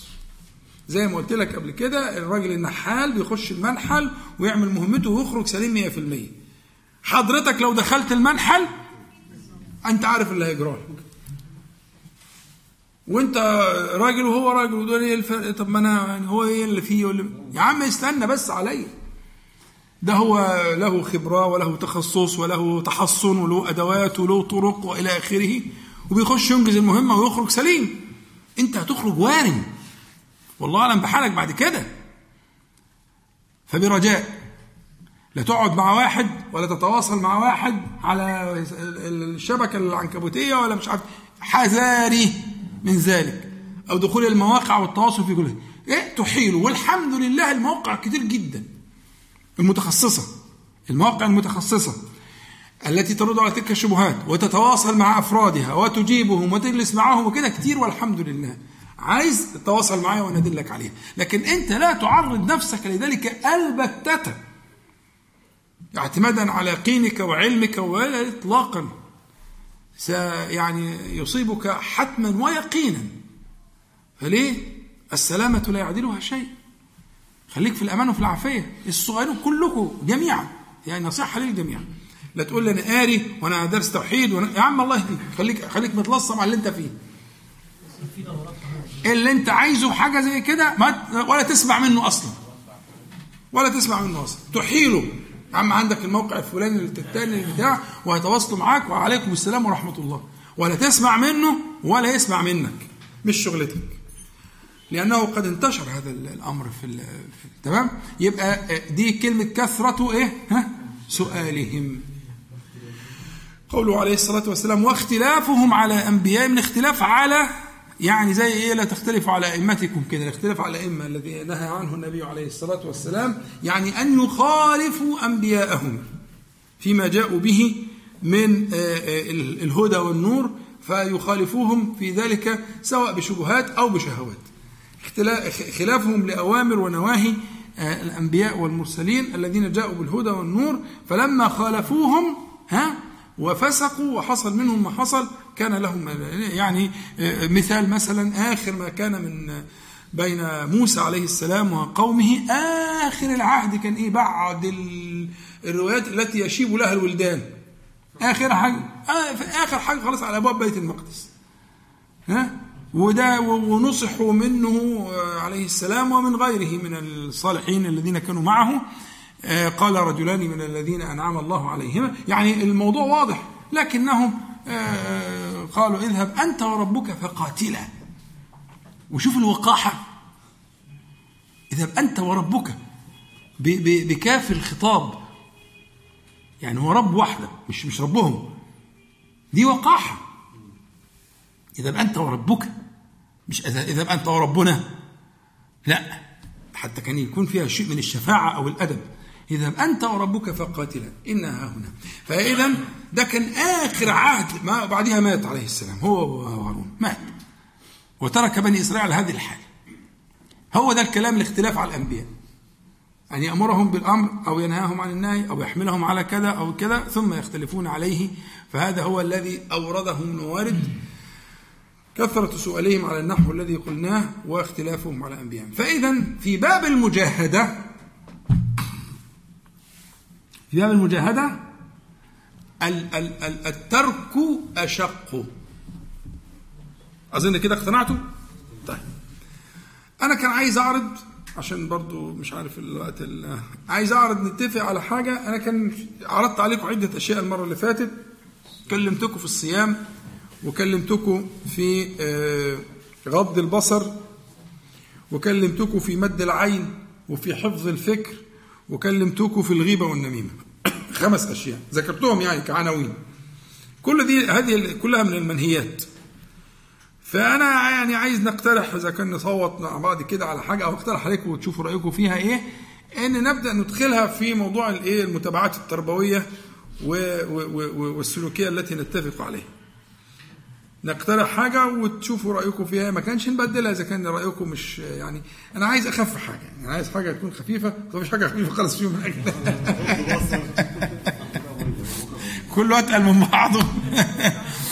آه معلش بس تفهموا القضية أنا أنا أنا بس عايزين يعني العمل هيبين ويظهر ويكشف الجانب النظري اللي شرحناه إن فعلا المجاهدات في التروك أشق. أشق. فلما هناخد حاجة من الحاجات اللي أنا ذكرتها دي أو غيرها إذا اقترحتم أنتم براحتكم ونطبقها إن شاء الله هتلاقوا فيها يعني بيان للي إحنا قلناه ويكون فيها خطوة إلى الأمام إن شاء الله. فمن الأشياء الخمسة اللي أنا ذكرتها وزي زي مش عايز أسبق الأحداث أنا عايز أتكلم في الأجر أجور الأشياء دي فوق التصور. أحيانا يترك تقديرها لله تعالى ولا يعين له. يعني مثلا هنقول إيه كانت بكل خطوة حسنة ودرجة. يعني في عندك معايير. ها؟ في عندك معايير. لكن هناك يقول لك إيه إلا الصوم فإنه لي وأنا أجزي به. طب إيه المعايير والموازين والمكاييل؟ افتح. ما لها سقف. فاهم الفكرة؟ يعني في باب الأجور في باب الأجور موضوع منهيات أنت هتخطو خطوات واسعة جدا. الكف عن محارم الله وغض البصر والحاجات دي أجورها فوق فوق الحساب والحصر. واخد بالك؟ لكن كتير من الأعمال اللي هي ال ال ال الأوامر هتلاقي أجورها معلومة ومحدودة وموعود بيها اجور طبعا عظيمة جدا. واخد بالك؟ لكن تلاقي المنهيات الوعد فيها مفتوح. الوعد فيها مفتوح. وعلى فكرة مش الآخرة بس. مش الاخره ده أنا عايز أتكلم معاك في وعودها في الدنيا. يعني موعودها في الدنيا من من من النور الذي يقذفه الله تعالى في قلبك فوق الخيال والوصف ويعجز عنه المقال أن يبلغه المقال. إن, أن ما يعدك الله تعالى أن أن يقذف به في قلبك من النور. بكف بالكف عن محارمه فوق العبارة. لا تبلغه العبارة. أنا مش بتكلم على الآخرة بس بقى تقول لي درجاته. لا ده ده حاجات ده وده. لكن أنا عايزك تعيش الجو إنك أنت ستكافأ في دنياك. من النور والبصيرة والسكون والرضا عن الله تعالى. يعني باب باب رحمة. اتفضل. لا لا خد راحتك. خد خطوة نسبقها كده. الموضوع بس عامل لي اختلاف شوية في حتة إن الحسنة ب 10 امثالها ده في الفعل. في الترك أنا لو هميت بسيئة وكفيت عنها هاخد حسنة واحدة. فده اللي عامل عندي يعني تضارب شوية من الفكرة اللي حضرتك قلتها دلوقتي. كويس. إزاي الترك ثوابه أعلى يعني؟ إزاي الترك ثوابه أعلى من الفعل؟ أنا دلوقتي عملت حسنة هاخد 10 اضعافها والله يعني ممكن يضاعف أكتر من كده 700 ضعف أو أكتر. لو هميت بسيئه وكفيت عنها غض البصر مثلا. بالكتير قوي هاخد حسنه واحدة ده في ده فيه منع. فانا عايز أعرف إزاي ده متعارض مع اللي حضرتك شرحته دلوقتي.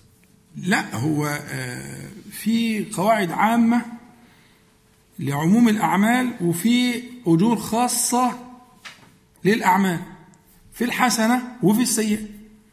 يعني الحسنة اللي بعشرة أمثال فيه نصوص إنها إلى سبعمائة ضعف ويضاعف الله لمن يشاء وفيه نصوص إن هو يكون من المقنطرين وفيه نصوص أنه يكون من الذاكرين الله تعالى كثيرا والذاكرات وفيه نصوص أنه يكون على منابر من نور على يمين الرحمن وكلتا يديه يمين.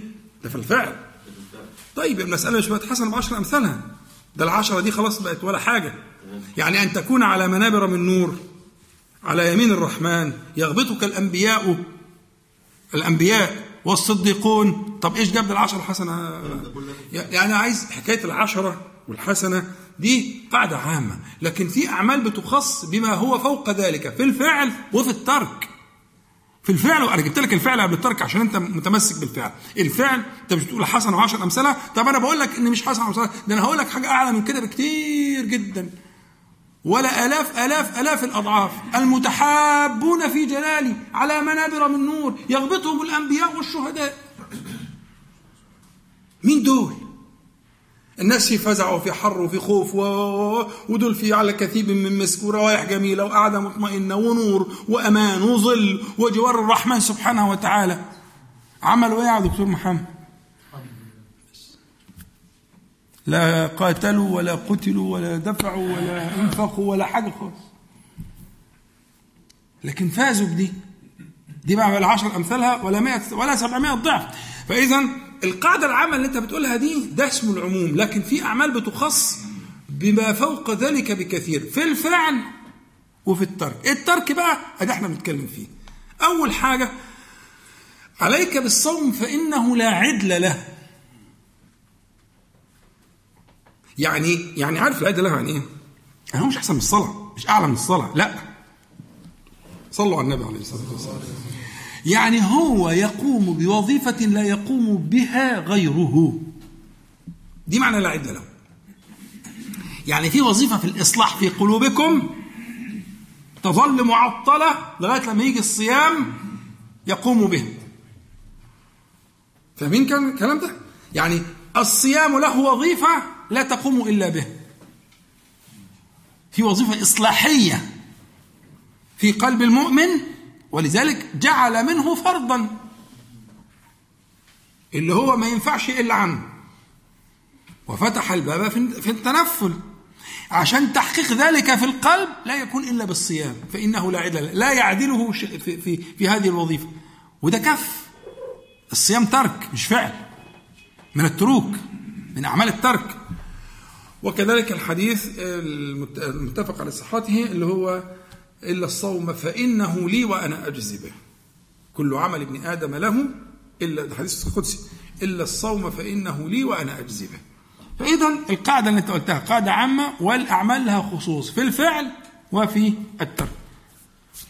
لو في عايز أنا ممكن أشرح أكتر من كده. استقرت يعني. تمام أحسن.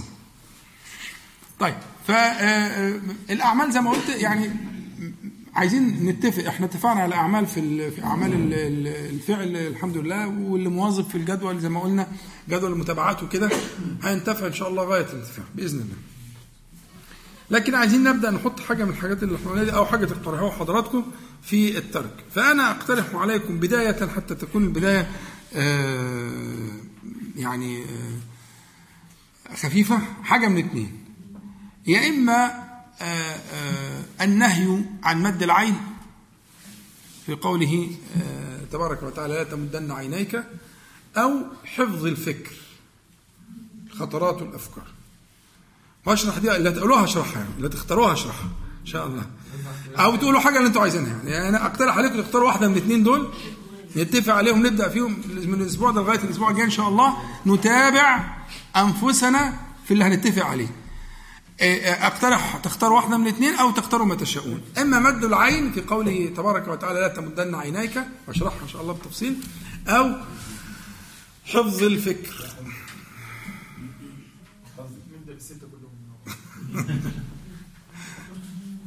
أصحاب الهمم العالية بقى دي حاجة تانية. عايزين بس ناخد الايه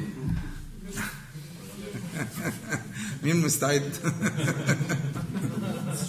اتفضل قول. أنا ليا راي لو لو اخير ما بينهم اختار الغيبة والنميمة. لأنها أنا شايف إن خطورتها في وسط الحاجات التانية دي كلها إن إحنا ما بنحسش بيها خالص ولا بناخد بالنا منها. وسهلة ومنتشرة وكل يوم وكل ساعة. طيب. بس ركزوا يا اخوانا عشان عايزين تصويت. إحنا نعمل تصويت دلوقتي. ماشي. باشمهندس محمد بيقول الغيبة والنميمة. اتفضل. لا لا حفظ الفكرة حفظ الفكر.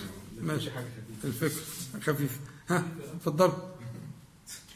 اتفضل. عايزين لسه ها؟ عايزين لسه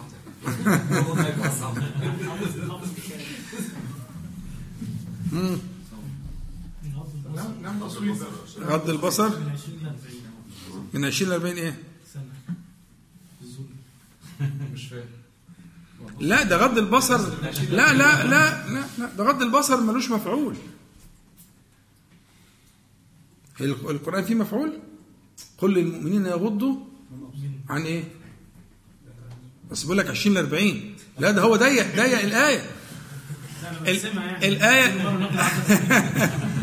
الآية الآية هو كده يا دكتور محمد ضيق الآية.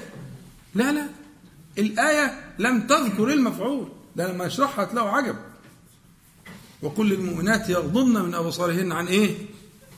لم يذكر. طب ليه؟ لماذا لم يذكر؟ سبحانه وتعالى هنقول بقى إذا اتفقنا على غض البصر نتكلم بس ده أصعب حاجة في رأيي يعني. في كل المذكور كله يعني. أشق من أشق التعبدات. من أشق ما هو أيوه بس عايزين نتدرج. يعني أنت دلوقتي بتشيل حديد. هتشيل حديد أول ما تشيل تشيل أعلى حاجة وتجيب 200 كيلو هتشيلهم لأ. انت لو بتمسك الدمبلز كده وتقعد تعمل كده لغاية لما عضلاتك تقوى وبعد كده ت... فيعني ال... حاجة إيه؟ نعم يعني كل حاجة هتاخد كام محاضره؟ أسبوع. يعني اتفق على حاجة الأسبوع وناخد بيان بين الأسبوع الجاي إن شاء الله. يعني عندك أسبوع مثلا في الشيء اللي اتفق عليه. لقينا فيه تحسن الله أكبر نخش في اللي بعديها مفيش تحسن. نديها أسبوع تاني. بحيث إن يبقى في نتحقق من هذه المجاهدة في الترك. من الحق نعدي الصوم قبل رمضان. بس حضرتك اختار بقى.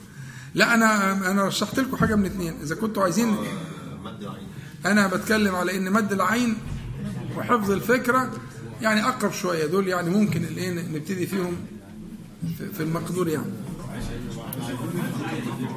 ها؟ لا مد العين هو قوله تعالى لا تمدن عينيك إلى ما متعنا به أزواجا منهم في سورة الحجر وفي سورة آه، طه. ده ده موضوع لكن غض البصر كل المؤمنين يغضوا من أبصارهم وكل المؤمنات يغضضن من أبصارهم. ده أمر وده أمر ومختلفين غاية الاختلاف. ده حاجة وده حاجة. كل حاجة نشرحها إن شاء الله. فدول حاجتين مش حاجة واحدة. مد العين. اتفضل. الفكرة. آه. طيب عايزين حد يرجح التصويت هيشتت الناس. طيب. مد العين. طيب. يعني إذا كان الأغلب اختار مد العين فإحنا هنقول أيتين ونشرحهم إن شاء الله ونركز فيهم ونلتزم بيهم إن شاء الله وكل واحد يعمل تقرير لمدة أسبوع للخميس الجاي إن شاء الله نعرف آه، الحال فيه تقدم ولا إيه الأخبار. وإذا كان في حد عنده مشكلة خاصة ممكن يناقشها معايا على وجه الخصوص. مشكلة تنفع تناقش في العام نناقشها. آه هي فكرة مد العين صلوا على النبي عليه الصلاة والسلام. فكرة مد العين هي استجابة للنهي الموجود في قوله تعالى لا تمدن عينيك وهنا الكاف للنبي عليه الصلاة والسلام آه أيها النبي المكرم. وفي كتير من الأوامر والنواهي اللي جات للنبي عليه الصلاة والسلام في القرآن الكريم لا يقصد بها النبي. لا يقصد بها ولكن يقصد بها غيره. ولكن إنما يخاطب النبي صلى الله عليه وسلم بها لأغراض بلاغية. تمام؟ آه. يعني ما ما ما لا لا لا يقصد. فإن كنت في شك مما أنزلنا إليك فاسأل. فالنبي عليه الصلاة والسلام كما صح عنه قال لا أشك ولا أسأل. مش كده ولا إيه؟ فيخاطب النبي صلى الله عليه وسلم فإن كنت في شك ولم يكن في شك من أيام. في يوم الأيام. لكن إنما قيل ذلك لغيره ليسألوا أهل الكتاب. تمام؟ فقد يخاطب النبي صلى الله عليه وسلم في القرآن وليس هو المقصود على القاعدة اللي بيقولها محمد إياك أعني واسمع يا جرى ودي قاعدة بليغة وجميلة وضربت لكم لها أمثلة جميلة جدا وإذا الموءودة سئلت بأي ذنب قتلت أأنت قلت للناس اتخذوني وأمي إلهين؟ وهذا لا هو المقصود ولا الموءودة مقصودة. كيف تقصد الموءودة بأي ذنب قتلت؟ إنما يقصد القاتل وهو على مرأى كده وبسمع ويرى السؤال فيرتعد إلى آخره. فإذا الخطاب آه، للأمة. لا تمدن عينيك للأمة. ولكن إذا خاطب بها النبي صلى الله عليه وسلم فمن باب أولى يخاطب به آه، الأمة على وجه أشد. لا تمدن عينيك إلى ما متعنا به. آه، أزواجا منهم في الموضع زهرة الحياة الدنيا وقلنا الزهرة معناها يعني الزهر عمر الزهور لا يدوم. فإن الحياة الدنيا فإن متاع فإن متاع الحياة الدنيا إنما هو في عمر الزهور لا يدوم. يعني معنى الزهرة دي مقصودة. لا يدوم. آه، قصير عمره ها؟ لا يدوم. زهرة الدنيا لنفتنهم فيه. ورزق ربك خير وأبقى. يعني فيما يبقى عنده سبحانه وتعالى في الآخرة. ورزق ربك خير وأبقى. وأمر أهلك بالصلاة واصطبر عليها. لا نسألك رزقا نحن نرزقك والعاقبة للتقوى. عليه الصلاة والسلام. إذا فالمقصود بالنهي عن مد العين أن تمد عينيك إلى ما رزق الله تعالى غيرك من الدنيا. يعني من المال من الصحة من الولد من الزوجة من الجاه من السلطان. من العز. والناس في ذلك متفاوتون. وجعلنا بعضكم لبعض فتنة. حكمته سبحانه وتعالى. أن يتفاوت الناس. لو لو شاء لكان الناس أمة واحدة. في الدين والدنيا. كلهم على التوحيد والإيمان. لكن معانا. هناك خلق كذلك. ما الملائكة كده. ما الملائكة أمة واحدة. مش كده ولا إيه؟ آه. لكنه شاءت آه، قدرته سبحانه وتعالى ومشيئته جل جلاله أن يتبين الناس وأن يجعل بعضهم لبعض فتنة. فقال أتصبرون؟ أتصبرون؟ يعني دي دي حكمة الإيه؟ حكمة الابتلاء في هذا التفاوت. ولكنه تفاوت في الفاني الذي لا يبقى. فإذا أراد الله تبارك وتعالى حصول هذا التفاوت فينظر المرء فيجد آه، غيره يعني خيرا منه في أشياء. فالذي لا يراعي هذا المعنى لا تزال عينه تمتد للجميع. فربما يجد من هو أقل منه مالا لكن يجد عنده مثلا من الولد أو من الصحة ما ليس عنده. ثم يجد من هو أكثر منه مالا ثم ما جاها أو سلطانا أو عزا أو صحة أو عافية إلى آخره. يعني ما فيش حد حاز كل شيء صح؟ ولا إيه؟ ولا في إذا كان حد مخالفني إحنا بنتكلم يعني ناخد وندي يعني. أنتوا مصرين في حد حاز كل شيء. محال. محال. تبقاش دنيا. ده هي سمة الدنيا وعلامتها وجود النقص. دايما لازم يكون فيها كده. وبالتالي من الحمق ومن ضعف البصيرة أن آه، يظل المرء آه، يمد عينيه هنا وهناك فيما في أرزاق الناس. لكن بمقتضى الربوبية اللي قلناه في الدرس الأولاني النهاردة مقتضى الربوبية, الربوبية هذا هو رزق الله تعالى واختياره لك. إيه المشكلة؟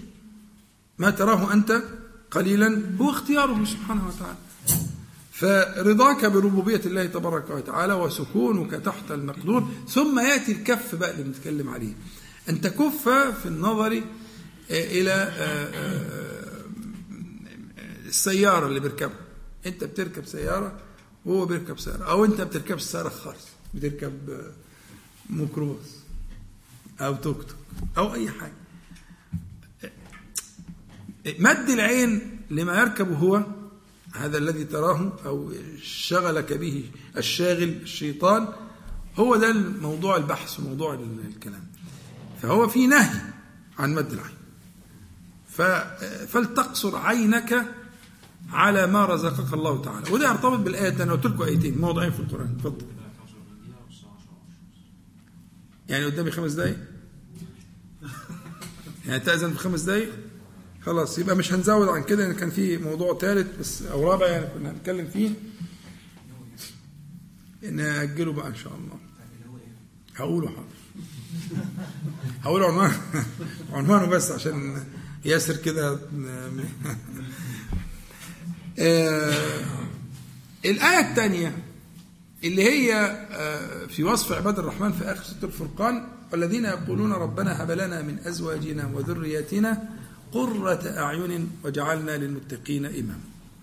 الآية دي أنا في رأيي أنها لها ارتباط وثيق جدا بالآيتين دول اللي أنا ذكرتهم اللي هو لا تمدن. إيه وجه الارتباط؟ وجه الارتباط في كلمة قرة أعين. يعني أن تقر عيوننا والقرار معناه ألا تمتد.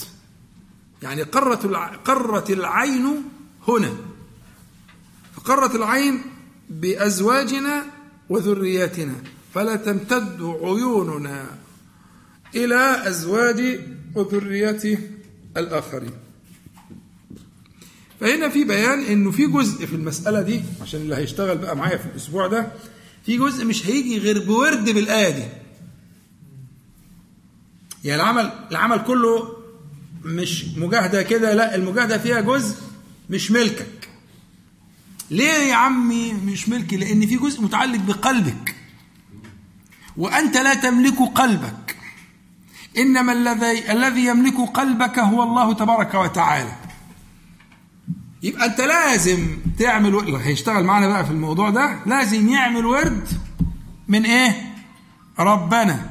هب لنا من أزواجنا وذرياتنا قرة أعين. تقر به عيوننا فلا تمتد إلى غيره. وفي رأي المتواضع إن ده أهم وظيفة في القصة دي. فإذا استجاب الله لك سكن قلبك. وكف عينك اللي بيسموها إغماض عين القلب. ورزقك هذا النعيم. إني شايف أحسن ست في الدنيا. هي اللي ربنا اداها لك دي. بجميع المقاييس. وأحسن عيل في الدنيا. اللي ربنا اداه لك ده. بجميع المقاييس. وأحسن بيت وأحسن هدوم وأحسن سيارة وأحسن وظيفة وأحسن صحة وأحسن لون وأحسن نسب. وأجمل ما في الكون اداهولك سبحانه وتعالى. هذه النتيجة اللي عايزين نوصل لها. النتيجة اللي عايزين نوصل لها إن يحصل هذا الاتزان والتوا... والسكينة. سكون القلب إلى مقادير الله تبارك وتعالى. ففي جزء زي ما قلت لك هيجي بالمجاهدة. ان كل ما تجيلك فكرة تبص هنا ولا تبص هنا أعوذ بالله من الشيطان الرجيم. أنت شغلك بقى مع نفسك. لكن في جزء مش بتاعك. لازم تفهم معايا. في جزء ما يخصكش. مش هيجي غير بالتوسل بالألوهية بالتعبد. على السبح. هتلزم نفسك. بعدد معين هتقوله بعد كل صلاة. وعدد معين هتقوله قبل ما تنام. وتكون حاضر القلب. ربنا هب لنا من أزواجنا وذرياتنا قرة أعين وجعلنا للمتقين إماما. جعلنا المتقين إماما. يعني يأتموا بمن قبلنا فيأتموا بنا من بعدنا. دي معنى وجعلنا المتقين إماما. يجعلنا في سلك في سلك المتقين. حلقة خرزة في حبة المتقين. مش إماما يعني أنت هتبقى إمام المسلمين. لا. يعني اجعلني في في في اسلكني في هذا السلك. واجعلنا المتقين امام لكن الجزء اللي يخصني بقى اللي قلبك يحضر فيه ها؟ قرة أعين. أقر عيني. أقر عيني بإيه؟ ها؟ آه. بما رزقتني. أقر عيني بما رزقتني. واحد بيركب بيلبس براندات والتاني ما بيلبسش براندات. واحد اللي مش عارف بتوصل للنعال وللحاجة. البني آدم ده غريب. غريب البني آدم ده يا أخي. النضاره مش عارف لابس البتاع؟ يا عيني ده يا ابني حبيبي. ده سماها زهرة الحياة الدنيا لنفتنهم فيه. يابا فوق. القصة غير كده خالص. ده كل ده سؤال في الامتحان. دي كلها أسئلة. ده السؤال رقم 15 ده السؤال رقم 20 ده السؤال رقم 17 أسئلة في الاختبار. الحاجات اللي مجنناك دي ومشغلاك وشغلة قلبك ومشوشة عليك ها؟ يعني عصر البراندات والقصص دي ده فوق فوق فوق فوق مش كده. طيب في جزء هقدر أكافح فيه وأجاهد فيه بالطريقة دي وفي جزء محال. اللي هو قلنا عليه إيه؟ الدعاء. الدعاء إنك تدعو بورد بالآية دي. أنا مش عايز غير الآية دي. عيش الآية دي لمدة أسبوع. واسأل ربك السكينة سكون القلب. وساعتها يستوي عندك كل شيء إن شاء الله تعالى. طيب يعني التزاما بكلام الباشمهندس ياسر فأنا ملتزم بكلامي إن شاء الله. كان في كلام عن كنا عايزين نتكلم عن موضوع الإيه؟ متعلق بقصة ال ال يعني ال الإصلاح والاستقامة وكده كنت عايز أتكلم على موضوع ال ال الهموم والهم. ومن جعل الهموم هما واحدة. وكنا هنقول الاحاديث ونشرحها بس طبعا المقام لا يتسع. إن شاء الله نفكرون المرة الجاية نبدأ به نقدمه لارتباطه بقضية الايه حديث ابن مسعود. إنه آه، آه، بأي شيء تعلقت هممكم. في ترتيب في في ترتيب ال ال ال الهمة في في في ترتيب. فبأي شيء تتعلق الهمم وإيه معنى الهمم وإيه معنى الحديث الشريف اللي إحنا ذكرناه قبل كده؟ ذلك ولا بد ولا بأس بإعادته مرات إن شاء الله ومرات. من جعل الهموم هما واحدة وفي رواية ابن ماجه هم المعاد كفى كفاه الله سائر همه إلى آخر الحديث. فخليها بقى المرة الجاية إن شاء الله. وأسأل الله تعالى أن ينفعنا جميعا. بما قلنا وما سمعنا وأن يجعله حجة لنا لا علينا رب العالمين. اللهم صل على محمد النبي وأزواجه أمهات المؤمنين وذريته وآل بيته كما صليت على آل إبراهيم إنك حميد مجيد. والحمد لله رب العالمين. نقول جميعا سبحانك اللهم ربنا وبحمدك. أشهد أن لا إله إلا أنت. أستغفرك وأتوب إليك. السلام عليكم ورحمة الله.